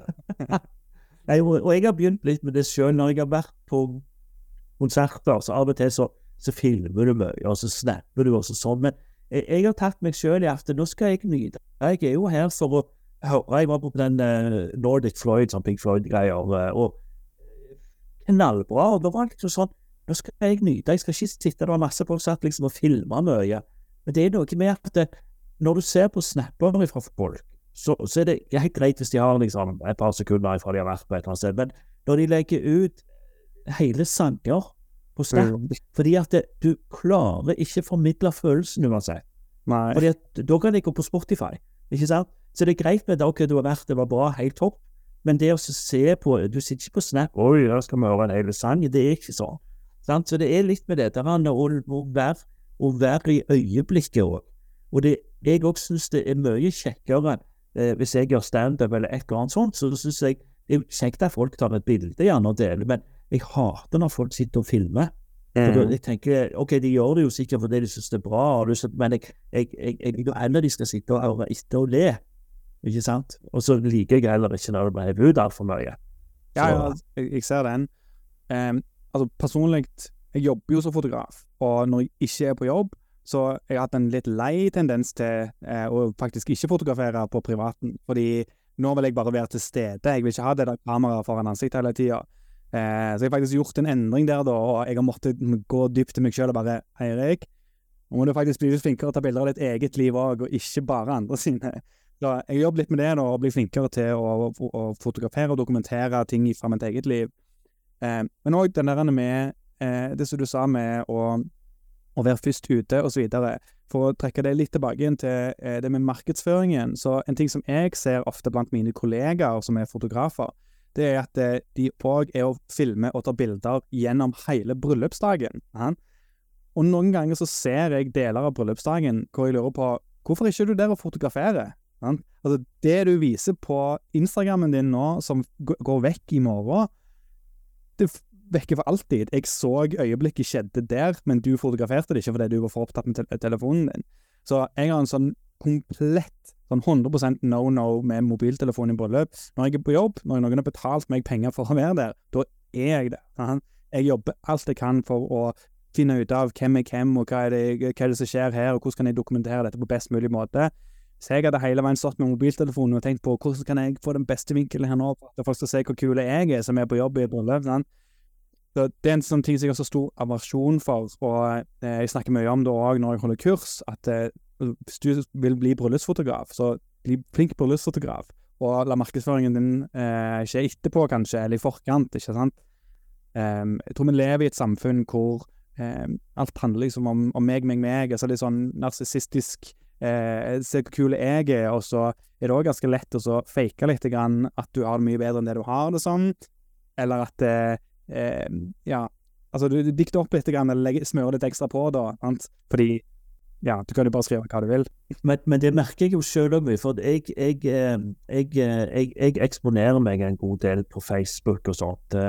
Eh, og det var vel, eh, det var vel stefaren min som eh, dessverre døde nå, men han sa det at du, du gjør det jo riktig, Harald. For det at du, du, er på en måte personlig, du er ikke privat. Altså, du så aldri, Jeg har aldri lagt ut bilder av hun jeg var gift med, av ungene mine. Etter hvert som jeg ble eldre, så har jeg gjort det, men jeg har alltid spurt om lov. Uh, jeg har til og med spurt om lov når de ble 20 år, om det var greit jeg ga ut bilde når de var nokså nyfødte. For det, for det, handler noe om at eh, du skal respektere de. Eh, og, og, jeg kan henge meg ut sjøl, det gjør jeg jo. sant? Jeg blottstiller meg jo uh, i, i, i liksom standupen. Men, men, det er litt viktig for meg at, at um, det er meg det går utover. Det, det er ikke andre. Og, og jeg, men så, så, er det òg sånn jeg har reist mye. Jeg har vært i USA, jeg har kjørt gjennom størsteparten av USA. Da legger jeg ut masse bilder. For det jeg liker, det er jo reisebilder. Og så er det sikkert mange som sier at da er det skrøyt, for jeg har leid meg feite biler og, og, liksom sånt. Og det kan godt være det er det. Jeg har ikke noe imot å liksom eksponere meg sjøl. Jeg har ikke så mye å skryte av, men, men, men, det er noe kjekt når jeg har vært på tur. Men det, det er noe med å finne den, den balansen der imellom og, og, på en måte å være litt sånn underholdende, opplysende, eh, og, og, til, og, til å være sånn ekshibisjonist med Eh, og se på meg og så fint jeg har det. Fordi at, eh, For jeg, jeg har ikke så mye å vise til av jordisk gods og sånt, men, men, men, opplevelser er viktig. Eh, og det, det syns jeg er greit å, å, å dele. Og, og, ikke minst er det utrolig kjekt å kunne gå tilbake igjen til album på Facebook fra USA 2014, USA 2015, og da lever jeg jo alt opp, opp igjen. For jeg, jeg er så gammel så jeg har begynt med minner. sånn, men, men, det er noe med det er noe med det å finne, å finne en middelvei i, i, i, imellom, det å, imellom det å være på en måte eh, selvskrytende av et liv du kanskje ikke har, mm. eh, og å være å vise og bjude litt på. Mm. Eh, og jeg, nå har jeg jo hatt, eh, nå har jeg jo hatt noen show med Arvid Mæland Ivan Storm, Storm, Storm, Storm Juliussen denne helgen. Utrolig gøy. Og det har jeg glemt en del om. Og, mm. da, og, da er, og, da, er, det sånn kjekt. Og, og da gjør du litt fordi at jeg har lyst til å vise hvor kjekt det har vært, men òg selvfølgelig for vi har lyst til å selge, selge mer. Så det er jo en sånn en eh, Og så vil folk noe tro at han snakker bare om seg sjøl og hva han gjør på. Men jeg, jeg får ta det. Jeg får ta de, de får, ja, de får nesten bare tro det. Men eh, jeg, jeg synes du er veldig flink med sosiale medier, jeg, og det at du viser eh, altså din personlighet skinner gjennom både i tekstene du skriver og i bilder som du deler. Og, en, nå skal jeg ta en kort analyse eh, av eh, når vi snakker om markedsføring og sånn, fordi du snakker om eh, ferier i USA når du har leid feite biler og vært på roadtrip osv., og, så videre, og du elsker det, og det er autentisk til deg som person, ikke sant? Og så skal du se, så kommer 2022, 2023, plutselig står du på scenen med Arvid Mæland og Storm Juliussen, som begge har en connection med USA og svære, feite amerikanske biler. Tror du ikke at det kan ha en liten sammenheng? At de har sett ah, men han Harald, han er jo kul, sant? Altså, han er en av oss. Sånn like barn leker best-type eh, ting. Ja. Jeg vet, jeg vet ikke Like barn vet, Altså, like barn med uh, Ivan og Arvid uh, Jo, men vi har en del til felles. Altså, det var utrolig fascinerende. De har jo noen historier. Ivan spesielt. Altså, jeg, jeg, Arvid har jeg kjent noen år. Ivan har jeg visst om. Uh, men jeg, jeg, har ikke lært ham å kjenne før de siste må månedene, hvor vi har snakket en del sammen. Og for en historie, og for en mann. Altså, det er, det er helt utrolig, det han har vært gjennom, og det han har klart å oppnå, og, og den, den, han er. Men, men, det er klart at eh, når du sier det med like barn Jeg har vel aldri tenkt på at jeg er Men jo, jeg er, jeg er nok litt der. For vi er jo ganske impulsive. Altså, vi kjørte jo på med show. Vi hadde jo ikke øvinger. Vi hadde en, vi hadde en slags generalprøve eh, dagen før. Uh, og den lurte jo Arvid på om vi egentlig trengte å ha. Så jeg er glad jeg insisterte på det. Men vi hadde tre show, og det var ulike show alle tre. Utrolig gøy. Og da tror jeg det må være en Da tror jeg det må være en Du må være litt sånn som også tre, for er litt sånn happy go lucky. Ja, men det, det er litt jeg mener, at altså ikke nødvendigvis at dere er prikk like, sant? men det er mye, mye sånn jeg tenker på i min markedsføring òg, altså like barn leker best. Jeg, markedsføringen min handler nesten egentlig om å skaffe meg nye venner, eh, for å tiltrekke meg folk som syns Altså, vi har de samme verdiene om ting, og da kan vi ha gode samtaler om ting, og, altså, og så videre. Da, da flyter alt så mye bedre. Så bare sånn, Det var bare veldig overgeneraliserende. altså Vi måtte snakke om eh, eh, USA og svære biler og sånn. Da så jeg jo eh, Juliussen i bilen sin med røyken ja, ja, ja, ja. kjørende rundt i gata. ja, og det, og det, men, men, det var litt interessant du sa, for det har jeg egentlig ikke tenkt på. For hva var det Arvid sa? Han sa at han var regissøren, jeg var kontrolløren, og Ivan var leverandøren. Eh, og det, det, er litt, Vi hadde litt forskjellige roller, men vi er jo egentlig ganske like. Eh, fordi at eh, ellers kunne vi ikke gått inn i det prosjektet som det var. Eh, så eh, ja. Ja, jeg, så, sånn sagt, jeg tror det har en sammenheng. Kanskje det ikke var bevisst, men at det ja. er ting som har sådd frø de riktige plassene, som har gjort at det, dette skjedde, da. Ja, det kan veldig godt være. Det, det var, og det var utrolig gøy. Det var det. det ja, var det, så veldig gøy ut, i alle fall. Ja. Um, hva er det jeg skulle spørre om? Um, jo Når, uh, når du er toastmaster i et bryllup, eller konferansier generelt, og det er litt sånn ømme tema som kanskje er ja, Ting må være litt ømfintlig om, eller ting som, eh, som, har med historie, eller ting som har skjedd, som er litt vanskelig. Hvordan jobber du rundt det? Jeg, jeg spør alltid, eh, når jeg har møte med brudeparet, eller òg hvis jeg skal til en bedrift eller et eller annet sånt, så spør jeg alltid er det noe jeg må vite om. Eh, til brudepar så er det jo ofte brud, brudeparet sine foreldre. Er de gift? Er de skilt? Er det hat? Kan de sitte sammen? Hater de hverandre? Altså, det, det, er, viktig for meg å vite, sånn at jeg ikke trør ute i noe. Eh, og jeg eh, Så lenge jeg vet det, så vet du hvordan du på en måte kan unngå det, og hva tema du ikke skal inn på. Eh? Det er klart at hvis du skal i en, være i en bedrift, og så har de eh, nettopp sagt opp 50 mann, eller de har nettopp, det har nettopp skjedd et eller annet altså, Da er det viktig at jeg vet om det. Og enten så unngår vi det, eller så prøver en gjerne å, å snakke om det på en fin måte. Eh, jeg, jeg, hadde et eh, Og det var faktisk det var faktisk det første bryllupet jeg hadde. Da fikk jeg en litt ildår, for da, da døde bestemoren til bruden. Hun døde dagen før. Oi. Og, hun, og, ja, og hun hadde skrevet et dikt til bruden. Eh, som da en av eh, tantene, da, som alltid er, eh, kom med og, og, ville at jeg skulle lese opp. Oi. Det var Det gikk greit, det, men det var klart at uh, det, var, det, var, det, var, en ganske tøff ilddåp. Og bruden og alle satt og grein, og, jeg, eh, og sånn at det er Men det er sånn du bare må takle. Mm. Ikke sant? Og, og, alle skjønner jo at det, det er sånn som kan skje. Det skjer noe uforutsett. Det har, har vel òg hendt av og til at at det må ha vært litt Det har gjerne vært noe alkoholisme hos en, en av partene. Eh, og, og, og, om han eller hun kommer, så kan det eh, bli litt oppstyr. Eh, men så lenge jeg, jeg vet om det, mm. så, så, er det bra. Så tror jeg òg at det er litt greit at det, nå etter hvert så har jeg blitt en gammel mann, jeg er jo 56 år gammel, og da har du òg litt autoritet òg. At, eh, at, du kan liksom Du kan liksom ta ting, og du kan snakke om ting på en annen måte enn jeg gjorde når jeg var 30.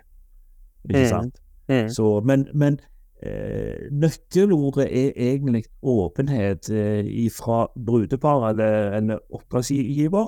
At jeg må få vite om det er noe lik i skapet. For det, mm. alt er jo i konfidensialitet, ikke sant? Mm. Sånn at, Men jeg vil vite om at hvis herr X kommer, så må ikke han snakke med eksen sin fru Y, uh, og hun har fått en ny type. og da blir det, sant? det er litt viktig. Ja, definitivt. Det er litt viktig, det.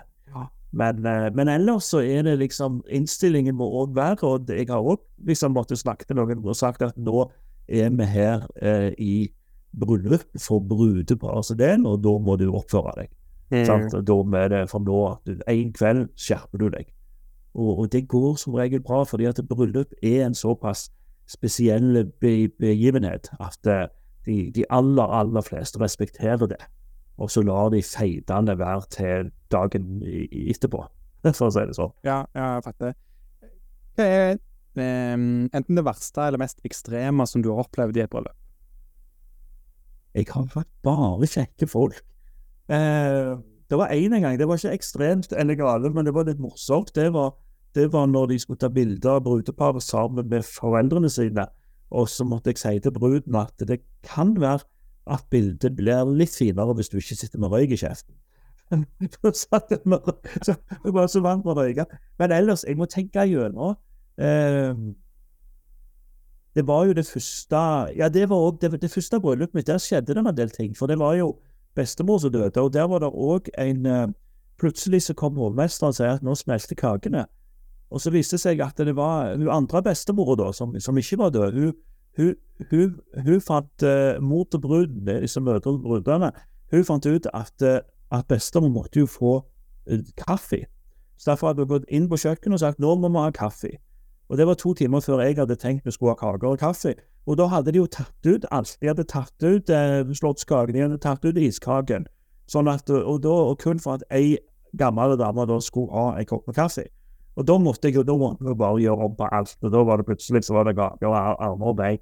Så det er litt, da lærte jeg iallfall det at eh, kontrollen er det jeg som har. Sant? Ja. Hovmesteren hører kun på meg, ikke på noen mødre og sånt. Men ellers så har vi vært Jeg må bare tenke Vi har vært, vi har vært veldig heldige. Eh, altså, jeg har hatt kjekke brudepar, kjekke gjester. Det har eh, Jeg har ikke hatt noen sånn eh, kriser eller katastrofer. En gang greie, men det er sånne ting jeg ikke vet, det var, det var at vi, fant ikke mikrofon. Det var faktisk eh, det, det var Siri Erik sitt, sitt bryllup. Vi, fant ikke mikrofonen. Ja. Eh, eh, rett før de skulle gå av alt det der, men da var det Erik. Da var det brud- brudgommen sjøl som hadde hadde lagt den et sted, men han av, avverga den. Uh, og så mangla vi òg en, en ledning for å få for å få kobla iPhonen til eh, anlegget. Eh, men var det ikke du som hadde en da? Var, var det deg, det? Det var en, det var en iallfall som vi, tok bare og så eh, Ja, vi, fikk bare tak i en. Eh, Ja. Det var gjerne ikke deg, men det var en Det var det, det. Det var gjerne ikke ditt bryllup engang, det var så mange bryllup. Eh, men det var, vi, vi trengte iallfall noe, og så hadde jeg mener det var en fotograf som hadde det, så det var altså, Ok. Ingen lar seg løgne, det er det viktigste.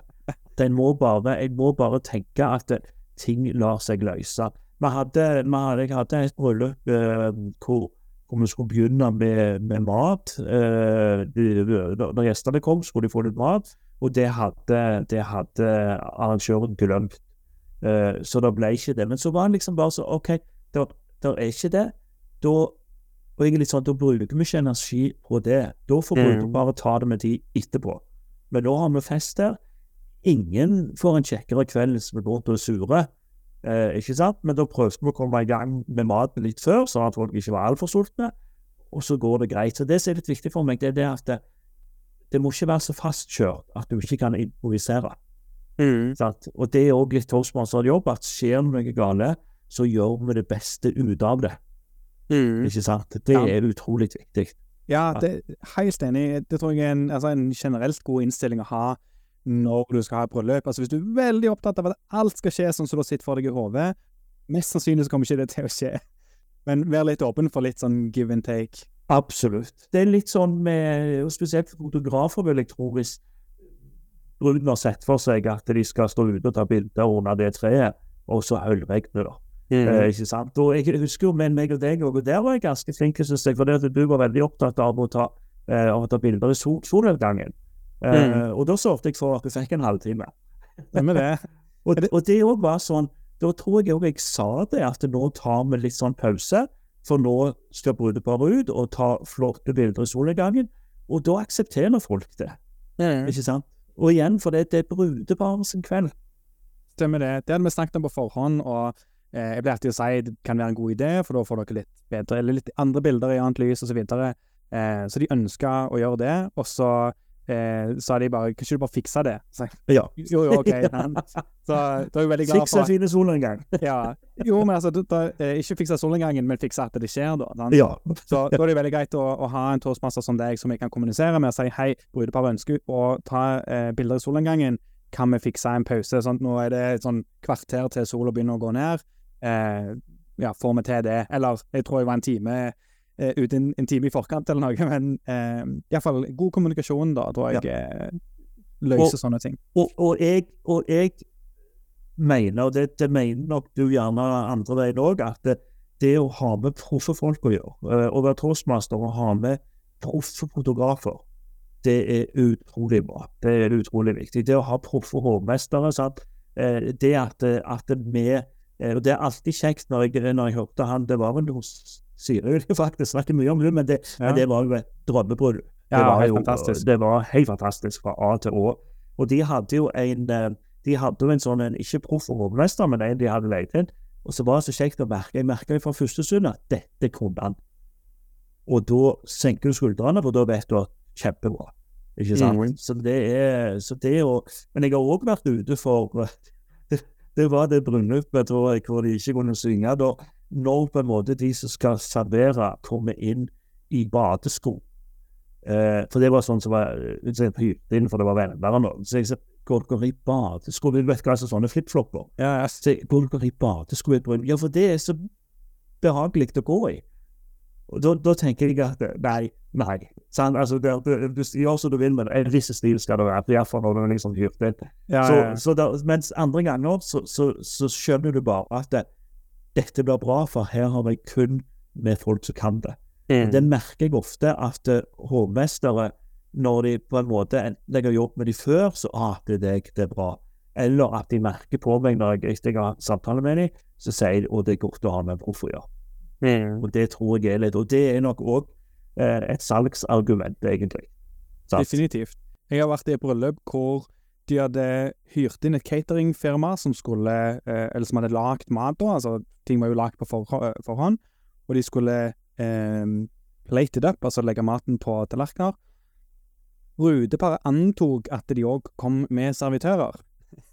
Men det gjorde de jo ikke. De, de styrer jo bare med maten. Hvordan det blir servert, det kunne jo de bry seg mindre om. Så jeg husker ikke hvem det var. Jeg tror faktisk det var en gjest, altså noen i familien, som altså, tok seg rundt og tok noen telefoner, og middagen ble en halvtime eh, eh, forskjøven, men klarte å samle fem-seks stykker som kunne komme og dele ut, og så videre. Altså, eh, det òg liksom ko- koker ned til å hyre inn folk som vet hva de holder på med, ikke minst folk som har erfaring med bryllup fra før av. Altså, selv om du har en kompis som er kjempeflinke til å grille og lage mat til åtte stykker og få en fantastisk kveld på en fredag, betyr ikke at de klarer å grille og lage en fantastisk mat til 50 eller til 100 stykker i et bryllup. ikke sant? Ja, nei, det er ganske helt- stor forskjell. Det er helt riktig. Men du, du spurte om jeg hadde hatt noe bryllup. Jeg hadde ett, det var ganske fantastisk, egentlig. For det var et bryllup Det var noen fra Jæren som skulle ha eh, bryllupet. Det skulle være på Sola eller noe sånt. Men så ringte de meg og så sa de man flytta det til Værøy eh, utenfor Bodø. Og så var det, og du får selvfølgelig dekka reise, og du får honorar og alt det der, og, og, og så går det helikopter ut, for det ligger, så går det helikopter ut. Og da tenkte jeg, jeg liker jo ikke så godt å fly, jeg, så jeg tenkte jeg sjekket, og så gikk det ferge. Så jeg, jeg tar heller fergen, jeg, sier jeg. Men det var før jeg fant ut at den tok seks timer. Men det som da skjedde, det var det at jeg skulle ta Hurtigruten eh, litt opp gjennom, så gikk ikke den pga. korona, det koronatida. Og da kjørte jeg opp, og da kjørte jeg opp og fikk med meg hele Lofoten. Jeg, eh, jeg, jeg tok ferjen fra Moskenes og ut til Værøy. Hadde en fantastisk helg. Der er jo så vakkert. Jeg var på noe som heter Insta, Instahaugen, eller altså helt, Jeg vet ikke om du har sikkert vært der oppe. Jeg kjører på. Værøy. Værøy er den som er sør for Lofoten, ikke det? Det er den som er Jeg kan ikke sånn retninger. Det er den som er liksom ut i havet, Ja. og så har du røst. Ja, stemmer Så- det. Ja, så når vi skulle hjem igjen, så da, da tok jeg ferjen, og da gikk vi først til Røst, og så, og så til Bodø. Og så kjørte jeg Helgelandskysten hjemover. Det var jo en fantastisk uke. Eh, å få lov til å komme ut til Værøy, som jeg da ikke sannsynligvis hadde reist til hvis ikke. Eh, eh, og, og å få med seg Lofoten. Og etter det så har jeg vært i Lofoten hvert år. Og i år har jeg òg lyst til å til, noe sånn magisk der oppe. Eh, og ikke minst å få betalt for det. Altså sant, Å få betalt for å oppleve det. Det det, det da, da er du privilegert, ikke sant. Så, så, det er vel det mest eksotiske. Det var å få komme til Værøy. Det var det var stort. Og oppdaga Lofoten. Og jeg, ja, etter det så er det liksom bare Nord-Norge. Det, det, er så vakkert. Det er så vakkert.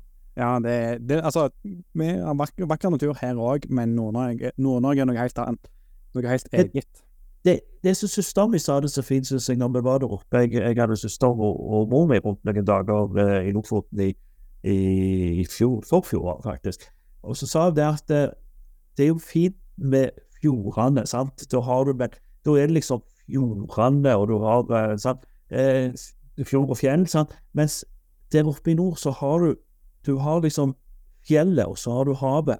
og så, du har, sant, det, det er åpent Mm. Det, det, er ikke lukka inne. Det, det, er liksom det, det, er noe sånn mektig med det. Det er bare så Og det å være Vi var der oppe i uh, Jeg hadde med noen kolleger opp til, opp til Lofoten i, i mai eh, i fjor, i slutten av mai. Og det var første natten hvor det var sånn uh, at, at solen ikke var nærmest.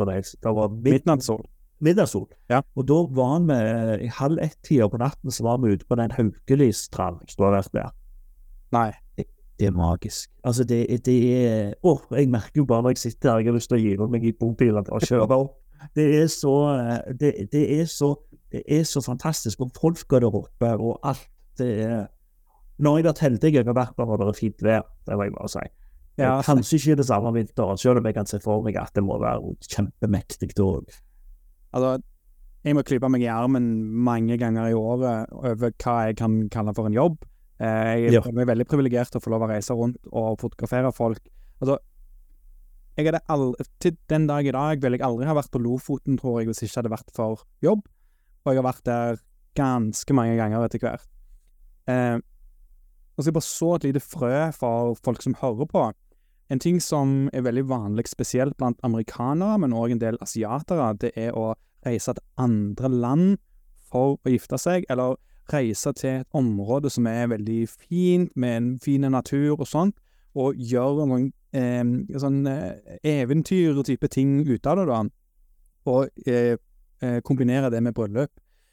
Her i Norge så har vi det som vi kaller for fredagsbryllup på tinghuset, hvor eh, brudeparet nødvendigvis ikke har tenkt å ha et stort bryllup, de skal bare gå og skrive under på papirene, og gjerne gå ned til byen og spise liksom, litt ekstra fin middag sammen med foreldrene sine, eller noe sånt. Og det kan være fint, det òg, men når du først skal legge i en del penger på bryllupet ditt, og du ikke skal ha noe særlig stort, tradisjonelt bryllup, så går det faktisk an å velge en destinasjon i ditt eget land som du aldri har vært i før, og utforske og faktisk gjøre noe mer ut av det, og i tillegg få det fotografert. Så eh, det er en ting som gjerne ikke folk snakker så mye om, eller vet eksisterer, men jeg fotograferer veldig mange utlendinger som kommer til Norge, og som tar meg med til opp gjennom Vestlandet eller i Nord-Norge. Eh, nylig vært i både Tromsø, Senja og Lofoten, kun på grunn av at de ønsker å ha bilder i denne vakre naturen. Så det går faktisk an. Ja, ja, ja. Det er så det er så sykt. Og hvis du får med deg noe til Monument Valley en gang, så må du reise der til. ja, det, det, er i Utah, eller? Arizona? Det er, det er vel både Utah og Arizona, så der går en statsgrense midt i det. Stemmer Men der, eh, der, var jeg i 20, eh, så var det 2018 og, og leide meg en cabin med Jeg la ut en sånn Facebook-min for et par dager siden, faktisk. Eh, og, og, det er jo der de har spilt litt av den der serien av Westworld. Ja, altså, stemmer masse, det. Det er der han folk Forrest Gump springer ned gjennom. Ja. Øh, ned mot de fjellene. Og, og jeg, jeg, jeg, hadde hyrt inn en sånn guide som vi kjørte inn i ørkenen der klokka fem om natten. Eh, og, og, fikk med hele soloppgangen. Jeg tok bilder av stjernehimmelen.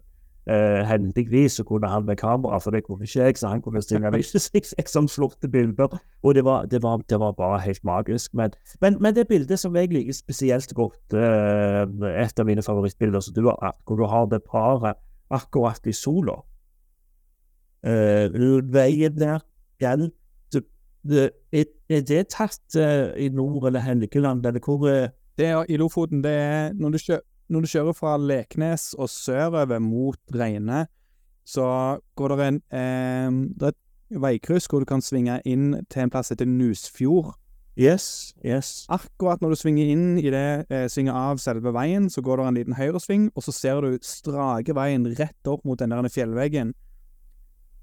Og der er det bildet. Veien jeg har kjørt over, jeg syns jeg kjenner igjen, det er et av mine favorittbilder av deg. og Du har masse flotte bilder, men det er bare sånn Det er tima så sykt bra, hele Altså, alt, alt stemmer, syns jeg. Så det Takk for det. Altså, det er kort historie bare om hvordan det bildet eh, skjedde.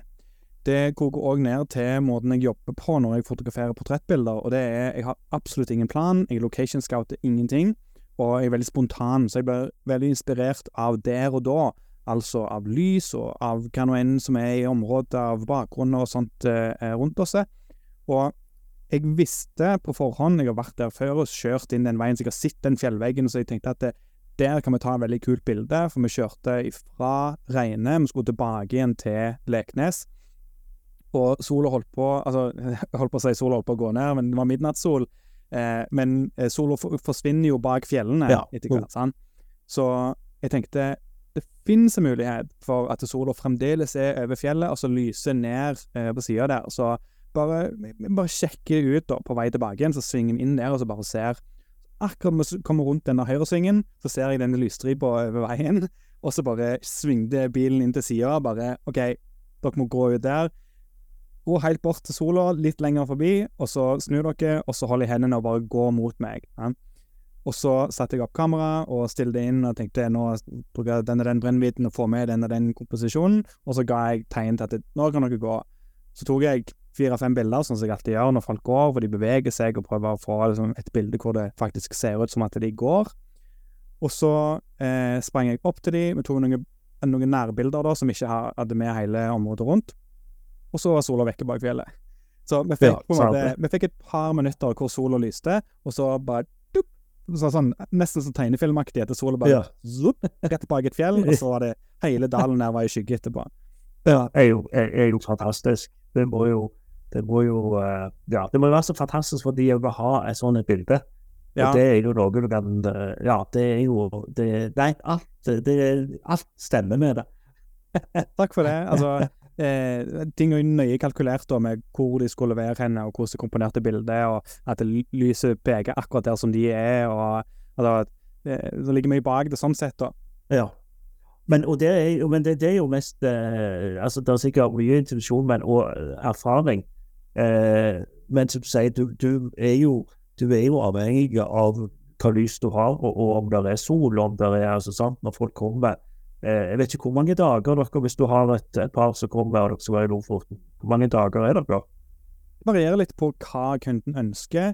Det som jeg har gjort de siste årene, det er å gjøre flere dager, at det ikke kun er én dag, for å eh, enten oppleve mer, altså flere områder, eller det som er ekstra hot, det er jo bilder med nordlys, ikke sant?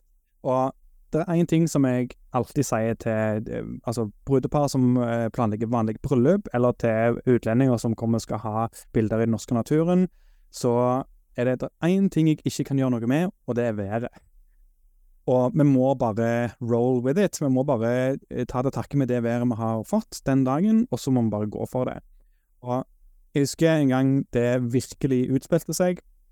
Det var i 2016, så, eh, eller, og noen måneder før da, så ble jeg kontakta av et amerikansk brudepar som dessverre var veldig misfornøyd med bryllupsbildene sine. De gifta seg i 2015 i USA, og så eh, skulle de spare penger, og så var det ei venninne av bruden som skulle ta disse bildene, og det var visst helt katastrofe, sa hun. Så Året etterpå så skulle de på en sånn one year anniversary-tur. Da skulle de til Norge, og de skulle ta Hurtigruten fra Bergen og opp til Nord-Norge og ned igjen. Og så tenkte de de hadde sett Geiranger og Ge Geiranger Geiranger ja. på eh, eh, internett. De har googla eller på Instagram og tenkte at det var en fin plass. Og så tok de kontakt med meg og om eh, kan jeg fotografere de med den naturen, for det, det, det syns de var fint. Og så gjør jeg det som jeg alltid gjør. så jeg ja, altså, ja, vi kan det, men eh, Geiranger er jo en veldig sånn oppbrukt plass når det kommer til bryllupsbilder. Det er én spot som alle står på en stein, og så ser du fjorden i bakgrunnen, og det er sånn klassisk for alle fra eh, Ålesund og Stryn, og alle som bor i området der, de har det bildet hengende på veggen. Så det er en plass litt lenger nord som vi kaller for Sunnmørsalpene, hvor jeg har aldri vært der. Jeg har aldri sett noen bryllupsbilder derfra før. Og det er fantastisk spek spektakulær natur med svære, spisse fjell og liksom, det, det, er et helt annet type eh, landskap. Er dere interessert i at vi heller går der? Ja? Så de ja, det hørtes jo kjempe, kjempeinteressant ut. Vi tenkte jo bare Geiranger fordi det har vi hørt om, men veldig kjekt at du kommer med, med gode forslag. Og så viste det seg da eh, de skulle, Båten stoppet i Ålesund dagen etter de var i Geiranger. Så det var Geiranger, og så Ålesund, og så skulle de videre nord. Så det betyr, betydde da at eh, vi måtte møtes dagen etterpå. Eh, så møttes vi i Ålesund, og så reiste til Sunnmørsalpene og fotograferte. Eh, de hadde med seg brudekjole og dressen og dette her på, på, turen sin, og kledde seg, og jeg hadde leid en bil, og jeg møtte de på kaien og plukket de opp. Så dagen før, når de var i Geiranger, da var jeg allerede i, i Ålesund og var klar til dagen etterpå for å treffe dem. Spektakulært sommervær. Dette her var i begynnelsen av august. Det var sånn Norge på sitt beste. Typ 25 grader og blå himmel og eh, grønne trær osv. Dagen når jeg plukket de opp i Ålesund, øljeregna. Sånn det, Ingen ende ta-type regning. Eh, og vi kjørte opp gjennom. Vi tok ferje over til Jeg husker ikke hva det heter, men der som Sunnmørsalpene begynner. Jeg tror det heter Gjø Gjørenfjorden. Så kjørte vi bare langs med sjøen. Du kunne ikke se toppene på fjellene engang, for det skylaget var så lågt nede. Og vi begynte litt sånn forsiktig å gå ut av bilen i to minutter, klikk, klikk, klikk, ta noen bilder, inn i bilen igjen, sånn at vi ikke ble blaute. Kjørte litt videre, prøvde å finne en annen plass med litt annen type bakgrunn. Ut av bilen, to minutter, klikk, klikk, klikk, og så inn i bilen igjen for å bli blaute. Og så etter hvert hadde vi begynt å bli litt blaute, og det gikk til det punktet hvor vi faktisk begynte å drite litt i det. Så vi gikk litt i det blaute gresset, gikk litt lenger opp, for der var det litt bedre utsikt, og vi kunne se litt, eh, skimte litt av fjellet i bakgrunnen der. Og så gikk det full on til at eh, vi faktisk gjorde sport i det, og eh, vi, altså, vi gikk og vassa i søleplutter helt til eh, mot slutten, da, så vi vada over ei elv, altså med vannet opp til knærne. Hun i brudekjolen og han i dressen jeg med, med sko og alt på for å komme oss ut på en liten sånn der, en plass midt i elva hvor det var eh, grus, hvor vi kunne stå. Så kunne de stå midt i elva og få bilder. Og jeg kunne nesten helle vann ut av kamerahusene mine etterpå. Men på grunn av at de eh, ikke syntes at det var drit at det regna, altså jeg hadde preppa dem litt på forhånd og sagt at det, været er det eneste vi ikke kan gjøre noe med, så eh, tok de til takke med det, og på grunn av det så ble det en fantastisk opplevelse for dem, og ikke minst fantastiske bilder. Ganske unike i bryllupssammenheng, hvor de var kliss klass. Altså, dette var jo et år etter bryllupet. Men, de hata deg ikke for det de tenkte nei, på dagen før, altså, når det, var så fint vær? Det er jo det som er enden på historien, at dagen etterpå igjen, så var det jo tilbake igjen til skikkelig sånn, den beste norske sommeren. som er. Så akkurat den dagen som jeg hadde foreslått, på grunn av mitt forslag, så ja, endte det opp med at vi fotograferte på dagen hvor det sikkert regna mest det året. Oppi, ja, sant. Men eh, igjen da tilbake igjen til eh, det å, å eh, stole på hverandre og ha god kommunikasjon, og ikke minst hyre en profesjonell. Eh, så, så, klarte jeg da å eh, skape fine bilder av dem, og sørge for at humøret var oppe. Så at det ikke var sånn verdens undergang at det regna, ikke sant. Jeg, og det er jo det viktig. Det er jo det at du, du kanskje Altså, det er jo det gamle det, det, er ikke hvordan du har det, det er hvordan du tar det. Og det er noe det som er på en måte Som jeg prøver å ha som mitt mantra i, i livet, iallfall etter hvert. Jeg bruker ikke energi på ting jeg ikke kan få gjort noe med. Eh, for det er noe Det er noe med det å eh, Jeg holder for foredrag om det, faktisk. Det er også se, se, se, se på positivt på livet. Men det er noe med at du, hvis du ikke får gjort noe med det, så må du liksom embrace it. Da må du gjøre det beste med det du har å arbeide med. Og sånn er det. Men eh, nevnte Hurtigruta i Geiranger. Jeg tok Hurtigruta med. Jeg, jeg tok Hurtigruta i, i, i, i forfjor, var det. Eh, og da var det eh, opp til Ålesund, og så går du inn i Geiranger og ut igjen. Eh, og da gikk vi inn i Geiranger, og det var sånn nydelig flott vær. Det var sånn kjempefint vær. Eh, masse tyskere om bord. Det var veldig behagelig, da, for da var det covid, så de hadde Jeg tror vi bare 120 gjester istedenfor 400, så det var veldig god plass. Altså, det var. Så satt der fire tyskere som hadde benka seg på orkesterplass. Liksom helt framme, satt i hver sin dekkstol. Vi kjører innover Geiranger. Alt er vakkert. Det er jo nesten så du hører ei som synger nesten alene. Altså, alt var bare nydelig og vakkert. Det var nasjonalromantikk. Det var, det var helt flott. Eh, og tyskerne sovna. og de sov hele turen inn og halve turen ut. og, og, og meg og noen andre men liksom bare så på det som bare liksom Skal, skal vi vekke dem? Nei. de ikke. Men de satt der helt sånn. Det, det, det, er litt med det der Det er litt med dette å være litt med i nuet og være sant, men de, de sovna helt ifra det. Så det men, uh, men, men, det er Det er det, det er Jeg har vært på Geiranger, og dette med været Jeg har vært der uh, tre ganger, vel. Uh, og jeg har vært heldig, og jeg hadde med jeg hadde en amerikansk venninne og vi kjørte til Vi var, var i, i Stryn. Vi tok den der uh, skyliften. Hva heter? Den liften opp. Ja, Loen skylift. Ja, Loen skylift. Kjempefint. Og, og, så var vi på Geiranger, og så var det jo det fantastiske været. Så hadde jeg òg noen amerikanske venner en gang som var, var, her, og så tok de med. Vi tok Lysefjordferga inn til Lysebotn og kjørte opp gjennom, opp gjennom de veiene og opp til Ørnaredet når vi, når vi tok fergen gjennom lys, Lysefjorden, så spurte en del andre turister spurte de som jobbet på fergen, er det Preikestolen. Og så sa han jeg tror det er fordi det var sånn tåke, du så ingenting. Du så ingenting. Vi stoppet på Ørnared, og du så bare et hvitt tåkehav. Altså, det var, det var og, og, da føler du deg litt flau, for da, da, da kjørte jeg, sant, de bare kom fra Amerika. Men de var fornøyd, for de syntes det var trolsk. sant? Mens jeg syns jo det var totalt mislykka. Så det er jo litt med oppfattelsen òg. Fordi at eh, når jeg var i Monument Valley, der var jo minusgrader. Jeg trodde det skulle være 30 grader, jeg, så jeg satt jo småfrøs. Men for meg så var det jo fascinerende. For meg så var det fantastisk. Og det er litt det vi gjerne ikke ser sjøl. Jeg visste egentlig ikke hvor vakkert Norge var før jeg kjørte en motorsykkeltur opp til Kristiansund i 2015 og, og gjenopplevde Geiranger, da, som jeg hadde kjørt uh, når jeg var liten. Og jeg, jeg var inne på eh, det hotellet eh, Gloppen ja, jeg husker ikke, men Skjolden hotell. Skjolden hotell. Og, og jeg, jeg, kjørte jeg kjørte for Strynafjell, jeg kjørte Atlanterhavsveien. Og når du da ser hvor, hvor vakkert det egentlig er Altså, det er jo det der når så åpner øynene og ser hvor flott land vi har. Mm. Og det å få være, det å få være fotograf og få betalt for å reise rundt, det måtte det må jo være Men er du ikke, er du ikke nervøs? Altså, er du ikke nervøs for at OK, nå kan du jo se digitalt hvordan bildene blir, men er du ikke nervøs for at det skal gå drit?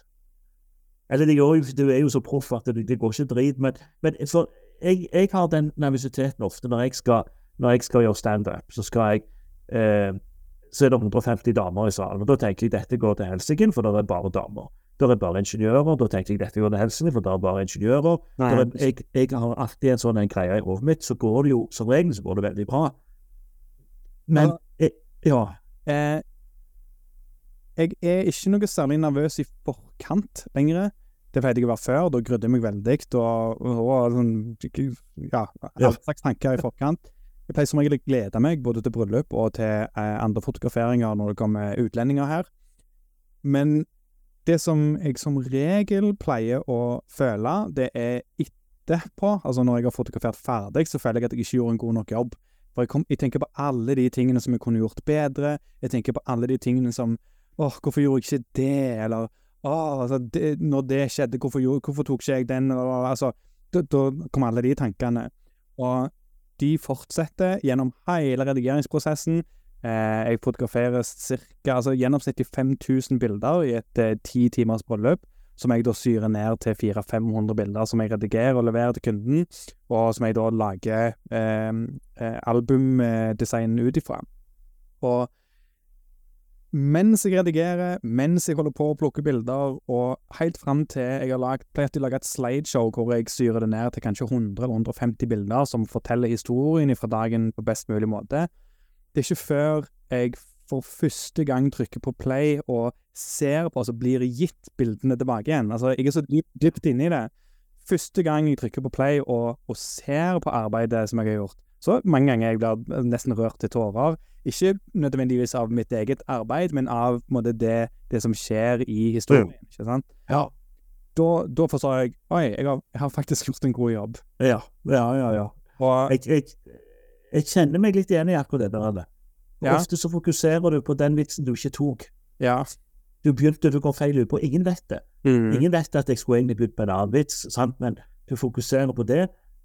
Og så får du høre etterpå at 'Å, det var kjempebra, det var steinbra, du var steinløyen'. Sant? Mens jeg, jeg, jeg, eh, jeg, må bli fortalt det. Mm.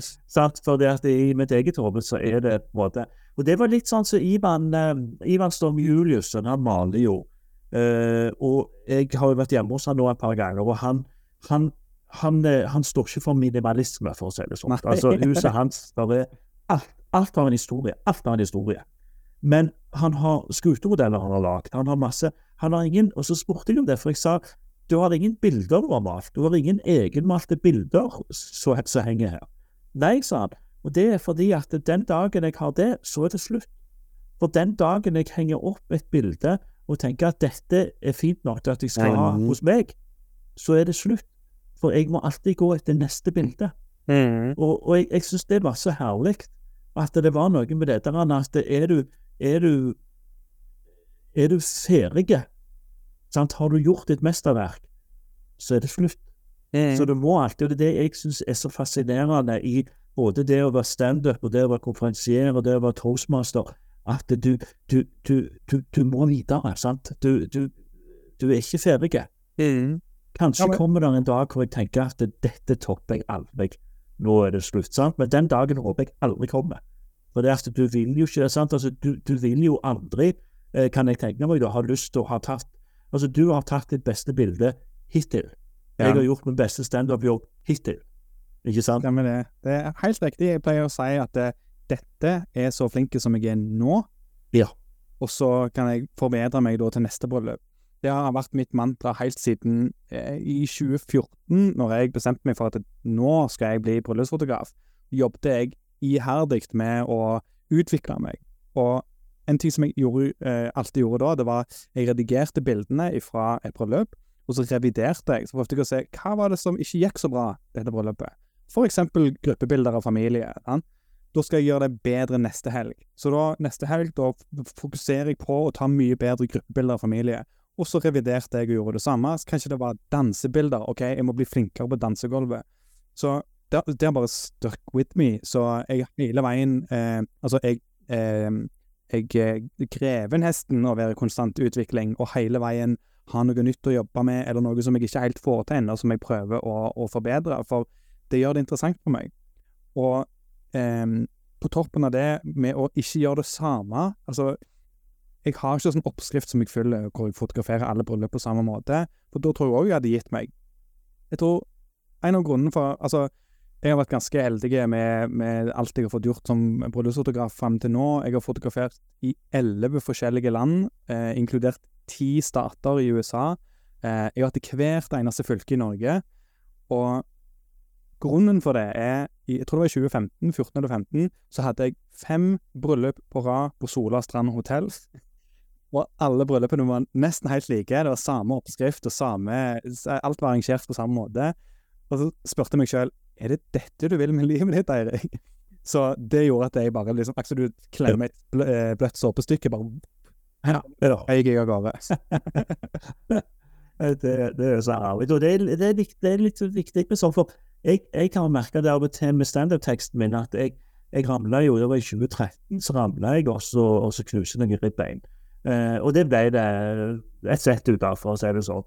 Og, og, så, og da hadde jeg den, og det var liksom min det, det var det var, det var eh, det jeg alltid tok når jeg var ute og gjorde standup. Så snakket jeg om ribbein, var en stor Når den liksom Etter noen år så ble det liksom bare til at jeg fortalte den historien. Det var liksom bare noe imot jeg, jeg følte det ikke jeg, jeg følte jeg, Da gikk jeg i det samme, og så kutta jeg den ut igjen. Og nå har jeg hentet den tilbake igjen. Men jeg, jeg ble lei av han for, det, han, for det var liksom den. Og det samme var det jeg har greier med Tomfir, hvor jeg heiv det vekk, og nå har jeg henta det inn igjen. Fordi at eh, og så omarbeider jeg gjerne litt og sånn og sånn, men, men, det er noe med at hvis det bare er det samme kraften, så er det, så er det ikke sant? Det, har med utvikling å gjøre.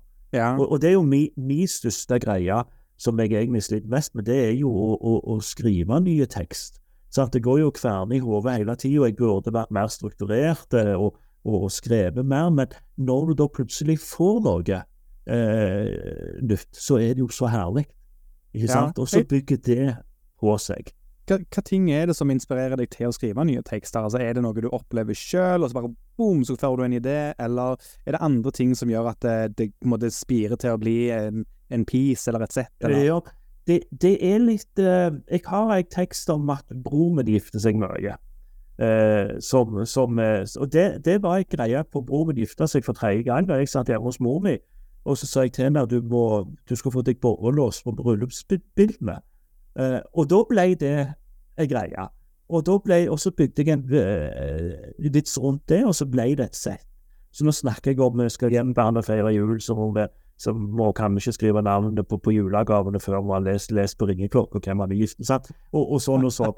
Og, øh, og han, han er veldig stolt over det. Det vil jeg bare si at han, jeg har jo, jeg har jo gjort standup om han lenge, og så fikk han se det live i, i Folken i fjor.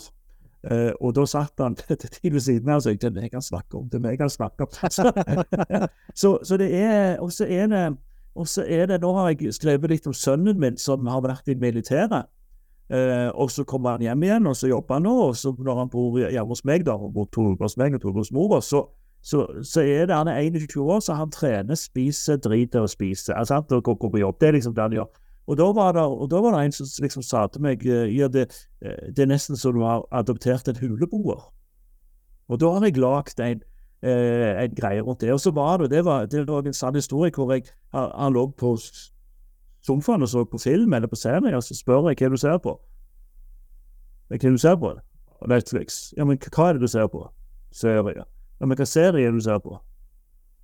Men du vet, det vet jo ikke du, for du har jo ikke sett det. Nei, jeg vet jo ikke men jeg se- altså, altså, Det er liksom denne den eh, hvor han hele tida og, og hvor han liksom Jeg vet du er far min. Jeg aksepterer at du lager mat til meg, at, at du vasker for meg, men la meg beholde dette på et pro- profesjonelt plan. Vi trenger ikke snakke til hverandre. Og det, og det har jeg lagd en greie rundt, og så kjenner folk seg igjen der. Ja. Og, det, og, det, og det, var, det var rett og slett etter den samtalen vi hadde rundt denne serien. Eh, jeg tror aldri han sa hva det var, for han konkluderte med at jeg kom aldri til å se han, for det var ikke noe for meg. Men det, det har blitt en tekst av. Så, Ja. så, jeg, så jeg prøver liksom også Jeg prøver liksom å ta litt sånn eh, Å ta litt sånn gjenkjennelig. Mm. Uh, og ja, og, og det har vært en del om vektomi og uh, sånn og vekk. Ja, så det er så det er Men jeg, jeg prøver hele tida, om jeg ikke er flink nok, å, å, å skrive ned når jeg kommer på noe. Og ofte så er det én setning blir til noe, Mm. ikke sant? Kan det være noen som sier noe til deg, eller altså, noe i en situasjon som du opplever, og så bare oh, Ja. Ja. ja. Det kan være, det kan være eh, noen som sier noe, noen som gjør noe, noen som også liksom kan det bli ei greie. For vi prøver ofte, komikere prøver ofte å Altså, jeg satt jo i, i begravelsen til, til en kamerat av meg, Hans Morten Hansen, eh, som er en veldig kjent komiker, og han hadde en fantastisk mor. Eh, og og eh, hun, var bare et nydelig men menneske. Eh, vi var i begravelsen, hun var gammel, det var liksom på en måte eh, sørgelig selvfølgelig, men hun hadde hatt et rikt liv, og eh, alt var Ja. Og da satt meg og Hans Morten under minnestunden og, og snakket om henne og lo, og liksom og snakke om hvordan kom, kan vi gjøre tekst ut av dette. Og da, og da liksom konkluderte vi at det er ikke så Du må nok være komiker for å sitte en minnestund og tenke på hvordan kan vi gjøre dette om til tekst. Men, men hun hadde en sånn greie som fortalte hvor, hvor han eh, Jeg er sikkert lov å si det, da, jeg har fortalt det før, men hvor eh, hun, hun lå på sykehuset, eller hun lå på det Mossiges eller hva det heter, det som er sånn hun sa Så ja, du er liksom i sluttfasen. Ja. Og så kommer sykepleieren inn og spør uh, har noen lyst på kake. Og så sier mora til Hans Morten ja, jeg har. Så peker på Hans Morten, men han skal ikke ha. det, det, er jo, det er jo så herlig, ikke sant? Og det, og det, det, det kapsler så mye òg opp øh, forholdet mellom de og, og ja. Så, så det er noe med òg at du må òg du, du spøker med de du liker, så jeg spøker mye med mor. Eh, hun, hun, var i salen faktisk i går, på, på Storstova. Det er litt spesielt, men du gjør det jo i kjærlighet. Sant? Du gjør det jo fordi at jeg hadde jo ikke spøkt om broren min hvis jeg ikke hadde likt det sånn? Jeg hadde jo ikke, jeg hadde jo ikke spøkt om dette med sønnen min som en huleboer hvis jeg ikke hadde vært glad i han og elsket at han bor her. Ikke sant? Hvis han hadde vært en pest en plage, så hadde jeg bare vært sur. Jeg hadde ikke spøkt det. Så det er noe, iallfall det, det er på en måte min form. At jeg, jeg er ikke en sånn komiker som snakker stygt og får sånn det, det skal le av meg og det som skjer meg. Jeg, jeg liker ikke henge ut noen eller sånt. Jeg, jeg, har, jeg har mer enn nok å gå på når det gjelder sånn Sjølen ble tidlig, for å si det sånn. da. Skal utover meg sjøl. Så ja. Jeg vet ikke om det egentlig var et svar eller om det var et spørsmål der, men det er sånn. jo, eh, kjempeinteressant å høre. Altså, bare litt om prosessen, hvordan du tenker rundt liksom, når, du, når du lager, lager, vitser, egentlig. Men, men, jeg tror kanskje du har det, for jeg, jeg liker å ta bilder. Eh, jeg, jeg, jeg, er ikke, jeg er ikke noe god til å ta bilder, iallfall når jeg snakker om fotograf. Så, så men det jeg, jeg tror at jeg kanskje av og til kan være god til, det er å se, eh, å se Ikke posisjoner, men å se komposisjon. Altså, og, jeg, og jeg tror det er òg litt med vitser og humor at hele tida så, så, går jeg og tenker på eh, Kan det være løye? Hvordan kan det være løye? Dette, sant? Og det samme er det òg når jeg ser på ting, så tenker jeg det hadde et fint bilde hvis fjellet hadde stått sånn. Altså, sant? Så, så er, og jeg, jeg, tror nok det er noe du òg kanskje automatisk gjør, at uh, jeg vil iallfall anta at du ofte tenker Du ser noe og tenker det hadde blitt et fint bilde. ja. Fordi at du, du, har liksom det blikket. Og jeg har nok litt det overfor ting som skjer i det daglige, at det kunne vært løye. Mm. Det kan jeg gjøre meg ut av. Så det er ja. Det, det er det de kaller for en occupational hazard. Ja, ikke sant. Ikke sant. Og så er jeg for lite flink til å huske det, for jeg er blitt så gammel at jeg er blitt glemsk. Så jeg, jeg burde jo egentlig bare skrevet det altfor ofte. Så, så tenker jeg å, det kan bli løye, og så fem minutter etterpå skal det egentlig det var for noe. Ikke sant? Men, nei, ja. Kunne ta det opp på telefonen, bare ta på kamera og så bare lese inn samme hva du ja. filmer for noe? Jeg, jeg, jeg, har gjort det, og jeg har en del ting som jeg henter der. Ja. Uh, så, så, jeg har, jeg har, eh, jeg har en sånn greie hvor jeg gjerne har én setning, og jeg gjerne leser noe i avis, og så er det liksom Aha, det kan vi gjøre noe ut av. Jeg hadde jo en greie med en uh, Det var det, det, var en katolsk prest eh, som hadde fått sparken i USA, for han hadde, når han hadde døpt folk, så hadde han, så hadde han sagt Vi døper deg, istedenfor jeg døper deg. Og det var feil, fordi det var ikke noe samfunn som døpte, det var Gud som døpte. Og dermed så var, så var dåpene han hadde gjort, blitt kjent ugyldige. Og det samme hadde ekteskap eh, gjort. Og da, og da, ble det jo en vits ut av det at det, det er jo en fantastisk måte å få skilt deg på, med å si til kona sorry, men det er ikke gyldig, dette her. Så liksom, ja, ja, det er paven som har sagt det. Hva har jeg å stille opp med paven? Ja, ja, vi får snakke. Så, altså, så, så, det er liksom det å finne noe løye ut av noe. Ja. Så det Ja. Men da er det alltid gøy. Ja, og jeg, jeg tror som du sier, ting som folk kjenner seg igjen i, det er alltid løye. Ting som de gjerne har opplevd sjøl, eller ting som eh, de måtte Ja, liksom, de, de, klarer å sette fingeren på det. Altså, jeg, jeg, forstår det, eller jeg kan relatere til oh, ja. Og det, og det, tror jeg er veldig viktig. Og det er jo det, er jo det altså humor, uh, komedie, det er på en måte Du må tro at det er sant. Så når, når vi hadde show nå med Ivan og, og Arvid, så er det jo så er det jo eh, Når de kommenterer historiene sine, så, så, vet du ikke Det samme med Hans Morten Hansen. Du vet ikke liksom Stemmer det? Altså, det kan være sant. Og, mm. og veldig ofte så er det det. Men altså, det er liksom det der Hvis det bare er en skrøne, hvis det bare er en, en skrønevits hvor det liksom alt er tull Jeg syns det er mye morsommere hvis det er på grensen til at du tror det kan jo stemme. Det kan mm. jo være sant, det der. Mm. Det er, nei, så det, det er veldig gøy iallfall at du, du, må liksom du, du må hele tida utvikle det. Hele, ja. hele tida. Og litt det med occupational hazard, som jeg sa òg, at eh, når du er i det, så, så det er jo en del av deg. Eh, sånn som jeg, altså meg og en, en uh, kollega og venn fra USA, vi pleier alltid å eh, Vi spør hverandre 'Where should the couple be?' Right? Så når du ser en plass, når, samme hvor du ser, hvis du ser på denne veggen, eller hvis du ser mellom tre her, eller hvor enn du ser med øynene dine, innbill deg at det er en komposisjon nå. Hvor, Hvor skal paret stå? Sant? Og det er som regel kun ett svar. Og vi, vi har gjort en lek ut av det, da, hvor vi prøver jo å finne den ene plassen hvor de skal stå. Hvor de for eksempel perfekt ramma inn av tre, eller akkurat der som lyset lyser, eller akkurat i døråpningen med bygningen der, fordi da sant? Altså, det er liksom én plass, da. Og det er òg en sånn der en ting som eh, du, eh, du kan ikke ikke se det. Sant? Nei, nei, nei. nei, nei. Nei, nei, nei, nei. Og det, og det er jo det når du ser noe løye i noe, så, så, så kan du ikke ta det på alvor. Sant? Altså, hvis det er noen som sier noe eller et eller annet sånt, så blir det Men, men det, det du sier, er at folk må, må uh, folk må kjenne seg igjen i det. Så har jo jeg òg en veldig tro på dette med at, eh, med at eh, sånn som det brudeparet ute i regnet På en måte, hvis du har det kontra om de hadde stått oppstilt med Geiranger, og det var med fjorden, og det var sol, og det var alt, og det var sånn, hva bilde hadde folk likt best? Hva bilde hadde liksom fått mest oppmerksomhet, og folk hadde syntes var kulest? Det er jo når de springer i regnet, for det er jo gjenkjennbart og ekte. Og, og de ser òg for noen sport i folk.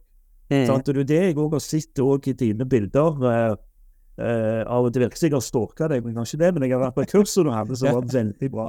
Uh, men men det, er jo, det er jo det at når du ofte uh, de, de kan være oppstilte, sant? men når, når du får fram det autentiske i dem, sånn som de Harry Potter-folka dine, eller det også, altså. Det, det blir liksom det blir liksom ikke bare sånn veldig høytidelig og veldig sånn, og det er ikke måte på. Men det er det når du får det gjenkjennbare. Og ofte så er det altså det er jo et av de mest eh, berømte på brudebildene fra Norge. Det er jo det er jo når Per Inge Torkelsen sprang etter kona på stranden. Ikke om du har sett det? Ja, jeg Og det var jo ganske spartant. Sant? Så, så det er med det er noe med å gjerne få tatt i Ofte så er det ofte så er de beste bildene Jeg sjøl mener jeg det er jo der jeg bare liksom ser noe, og så tjomter, og så tar du et kjapt bilde. Jeg har vært med ungene mine hvor de står og ser utover havet hvis de er på Årestrand. Og det, det, det syns jeg er så fantastisk, for det, det er sikkert Rent teknisk er det sikkert ikke bra i det hele tatt, men det er liksom det er de to som undrende står, to stykker, små unger, så, og ser utover havet. Og så satte jeg på den der fra kjelleren, det der så rommer de som havet. Eh, sant? Det er noe det, det og, og da er det da er det stemningen. Ikke sant? Da er det, da tenker jeg at det, det er ikke perfekt, men det er det allikevel. Jeg har klart å fange et øyeblikk hvor de står liksom i en sånn slags undring. Puslingene som står og ser utover havet. Altså, det er sant, det er Og, og det er et bilde som forteller deg noe om ungene dine, og det er autentisk, og det er noe som, som kjennes ut som, som dere, ikke sant? Det er egentlig det jeg eh, higer etter når jeg fotograferer. Ja, ikke sant? Det er den autentisiteten til hver enkelt eh, kunde og deres eh, eh, menneskene som de er i relasjon med, da. For hvis jeg har en sånn standard oppskrift på at nå skal vi ta dette bildet, da skal bruden stå sånn, og så skal brudgommen gjøre dette, og så skal vi gå bort her etterpå, og så skal vi ta dette bildet, sant? Når de da ser på disse bildene, så ser de ah, 'Husker du når fotografen sa til oss at vi skulle gjøre dette?' Sant? Kontra at eh, 'Å, her er bildet av oss når vi gjør dette', eller altså sånn Noe som er i en situasjon, eller noe som er så Det, det føles så mye mer eh, ekte for de, da. Mm, ja, ja, ja. He helt klart. Og jeg tror det med autentisitet det tror jeg er et nøkkelord. For det, og det gjelder jo bryllup òg. Det er liksom, det skal være autentisk, det skal være ekte. Det skal være brudeparet sin eh, på en måte autentiske opplevelse. Det er de, det er de. Og har vi, og har vi klart, altså du som fotograf og jeg som toastmaster, har vi, har vi klart å på en måte undertrykke oss sjøl at det er dis, det er autentisk ut ifra synsvinkelen dis, så har vi klart det. Definitivt. Ja. Definitivt. Jeg, jeg, jeg har vært i flere bryllup hvor jeg har altså, sett ganske tydelig at det, her har mest sannsynlig bruden, men kanskje begge, vært veldig opptatt av en eller annen trend, eller noe som var hot i fjor, eller noe som eh, bryllupsbloggene eller bryllupsmagasinene skriver og poster bilder om. Sant? Fordi de vil at det skal være sånn som et bryllup i USA, for eksempel. Men så er det ikke det. altså føles det veldig påtrengt, og så er det ingen som bryr seg, og så blir det ikke sånn som de kanskje har lyst til at det skal bli. ikke sant? Og så er det mye tid og penger som er kasta bort på noe som gjerne ikke var så viktig likevel. Og eh, på den andre side, i, i bryllup hvor sånne ting har vært situasjoner, så eh, kan òg brudeparet ha eh, bare innsett det sjøl, at liksom sånn Ja, men det, det betyr jo ingenting. sant? Altså, nå er vi jo her med venner og familie, og jeg vil bare ha det kjekt. sant? Ja, Så- ja, ja. ja. Um, ja, litt sånn avslutningsvis Jeg, jeg syns det var en veldig god måte å, å avslutte på. Bare det med å eh, være deg sjøl.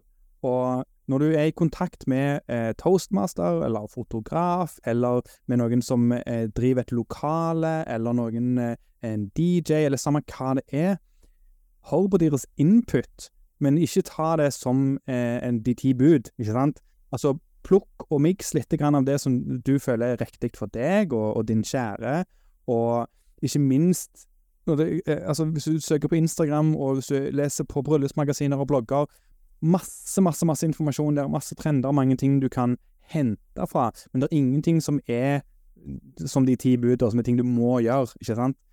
Og, ja, og de kjekkeste bryllupene jeg fotograferer, altså ikke nødvendigvis bare kjekt for meg, men når jeg merker at eh, brudeparet og gjestene har det kjekt, det er når de bare er seg sjøl. Det er når de bare henger rundt og snakker, og det, det, det er fritt og løst og, og kjekt, fordi bryllup er en så fantastisk måte å eh, samle de som du er glad i, og ha en festdag og rett og slett bare feire livet, ikke sant? Og jo mer program du putter inn, jo mer måter du vil at det skal være på, og jo mer eh, du måte prøver å kontrollere og styre at eh, det skal bli så og så perfekt, jo større sjanse er det for at det ikke blir det. Ja, Helt klart. Ja. Det er òg en greie jeg har når jeg reiser til utlandet. Eh, hvis jeg reiser Jeg legger ikke opp en dag hvor jeg skal gjøre syv ting. Jeg legger opp gjerne at i dag skal jeg gjøre én ting. Og så skjer det det som skjer ellers. Vi dro til New York en gang, og da skulle vi, da, da, skulle vi opp i Empire State Building. Og så var det tåke som gjorde ikke det, og da fant vi på noe annet. Mhm. Men hvis du liksom, hvis du er liksom fast bestemt på at vi skal gjøre det og det og det, sant? og hvis, du ikke, hvis det ikke skjer, så må det OK, da skjedde ikke det. Sånn som disse her som, som du fortalte om, som hadde stygt vær. Mm. Og da utnytter du deg av det. Og så Mhm. fikk de sikkert enda bedre bilder enn de hadde fått hvis det var sånn høyglanspolert bilde eh, som alle har. Ikke sant? Absolutt. Men én ting, én ting, bare sånn på tampen, så jeg bare Du har gjerne vært i amerikanske bryllup. Ja. Er det en grunn til, eller syns Altså, disse her brudepikene som de har hundre av, eller de her for forloverne, de har alltid bistygge kjoler. Om amerikan, om de sjøl syns at de er fine, eller er det for at bruden skal skille seg så veldig bra ut, og de andre For det er jo, det er jo noe av det styggeste som finnes i disse heslige fargene. Hva, hva er greia med det? Vet du det? Altså, jeg henger meg ikke så ekstremt mye opp i sånne detaljer når jeg fotograferer bryllup. Det er liksom sånn det er, sånn er det. Enten det kommer til blomster eller til kjoler eller hva nå enn det er. Eh, veldig ofte, i, i min, eller etter min erfaring, så handler sånne brude um, bridesmaid-kjoler handler om å eh, ha en farge som komplementerer ting som har med design å gjøre i bryllupet. Så gjør et fargetema, for eksempel, eller noe sånt. Um, og jeg har fotografert ganske mange bryllup i Texas, og der handler det om å overgå venninner som gifta seg i fjor. Eh, så det er veldig mye sånn flashy der, da. Hvis venninna di hadde sju bridesmaids, da skal du ha åtte. Sant? Ja, ikke sant? Ja, Så ja, ja, altså, det er, det, det bare Altså, bigger is better. Det er sånn. Texas sitt motto. Um, men ja, når det kommer til uh, hvorfor de, eller hvorfor du ikke syns de er fine, det uh, Jeg tror det har mye med design å gjøre. At det liksom eh, Vårt fargetema er grønt og rosa, for eksempel. Ja, og vårt derfor- fargetema ja. er blått og gull. Sant? Så da handler det om det. Og i noen situasjoner så må brudepikene, eller um, forloverne, som det heter, må, så må de kjøpe det sjøl. Andre ganger, alt etter Ja. hvor rikt brudeparet er, så betaler de for dem.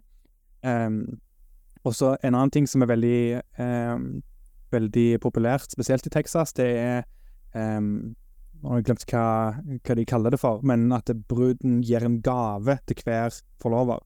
Oh, ja. Og den gaven skal gjerne være minimum 50 dollar, sant? så 500 kroner Ja. er hver eneste. Så da kjøper de gjerne et smykke eller en ring eller et eller annet, en sånn fin ting, så, at, så de får det av, av bruden, da. Og det, Det er veldig mye sånn så Jeg syns det er ufattelig spennende da med å fotografere bryllup, og få innsyn i forskjellige kulturer og miljø og religioner, og hvordan ting er annerledes.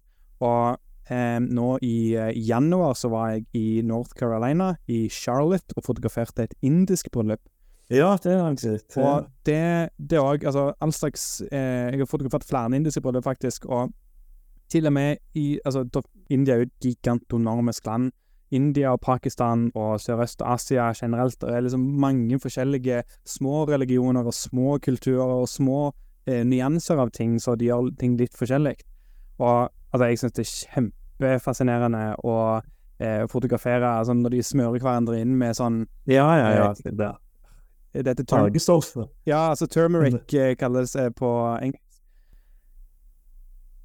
Hva heter det? Eh, sånn gult krydder. Gurkemeie. Gurkemeie, ja. Gurkemeie, ja. Så de blander med vann, tror jeg, og olje. Og så Ja, det eh, det ja. smører de ansikt og alt, liksom, for det skal bringe god lykke. Det skal um, Ja. Og så blir det en seremoni ut av det, da, at uh, familie og venner kommer, og skal de ta smøre dette her på dem, da. Ja, Ja. Noe som kanskje virker absurd for oss hvite nordmenn, sant? men der så er det, det er kjekt, og det er god stemning.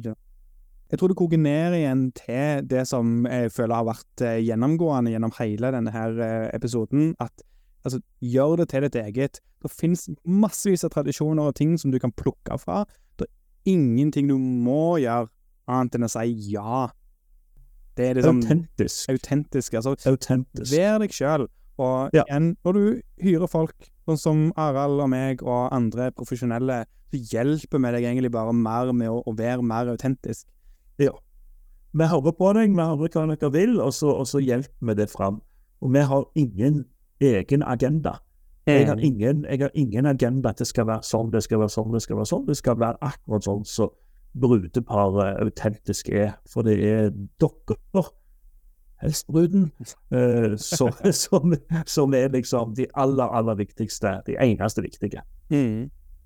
Eh, Med det sagt så finnes det eh, tilbydere i bryllupsverden som har en agenda, som vil gjøre ting på sin måte, uavhengig av hva du ønsker eller ikke. Så aller viktigste du kan gjøre, det er å ta kontakt, stille spørsmål, snakk med, få en forståelse for hva er det denne her profesjonelle kan tilbringe til meg og mitt bryllup, og så ta det fra der, for ikke anta ting. Nei, nei, det er viktig. Ja, Og forhåpentligvis er det den eneste gangen i livet du kommer til å trene også. det stemmer det. Ja, det er svære ganger, men ja. Men eh, det her har vært eh, fantastisk, Harald. Tusen takk for at Ja, du kom og, og være gjest i podkasten. kjempebra. Veldig kjekt å være med. Bare kjekt. Takk for i dag. Likte du det du nettopp hørte, eller lærte du kanskje noe nytt? Da hadde jeg satt veldig stor pris på om du har lyst til å fortelle om denne podkasten til noen du kjenner.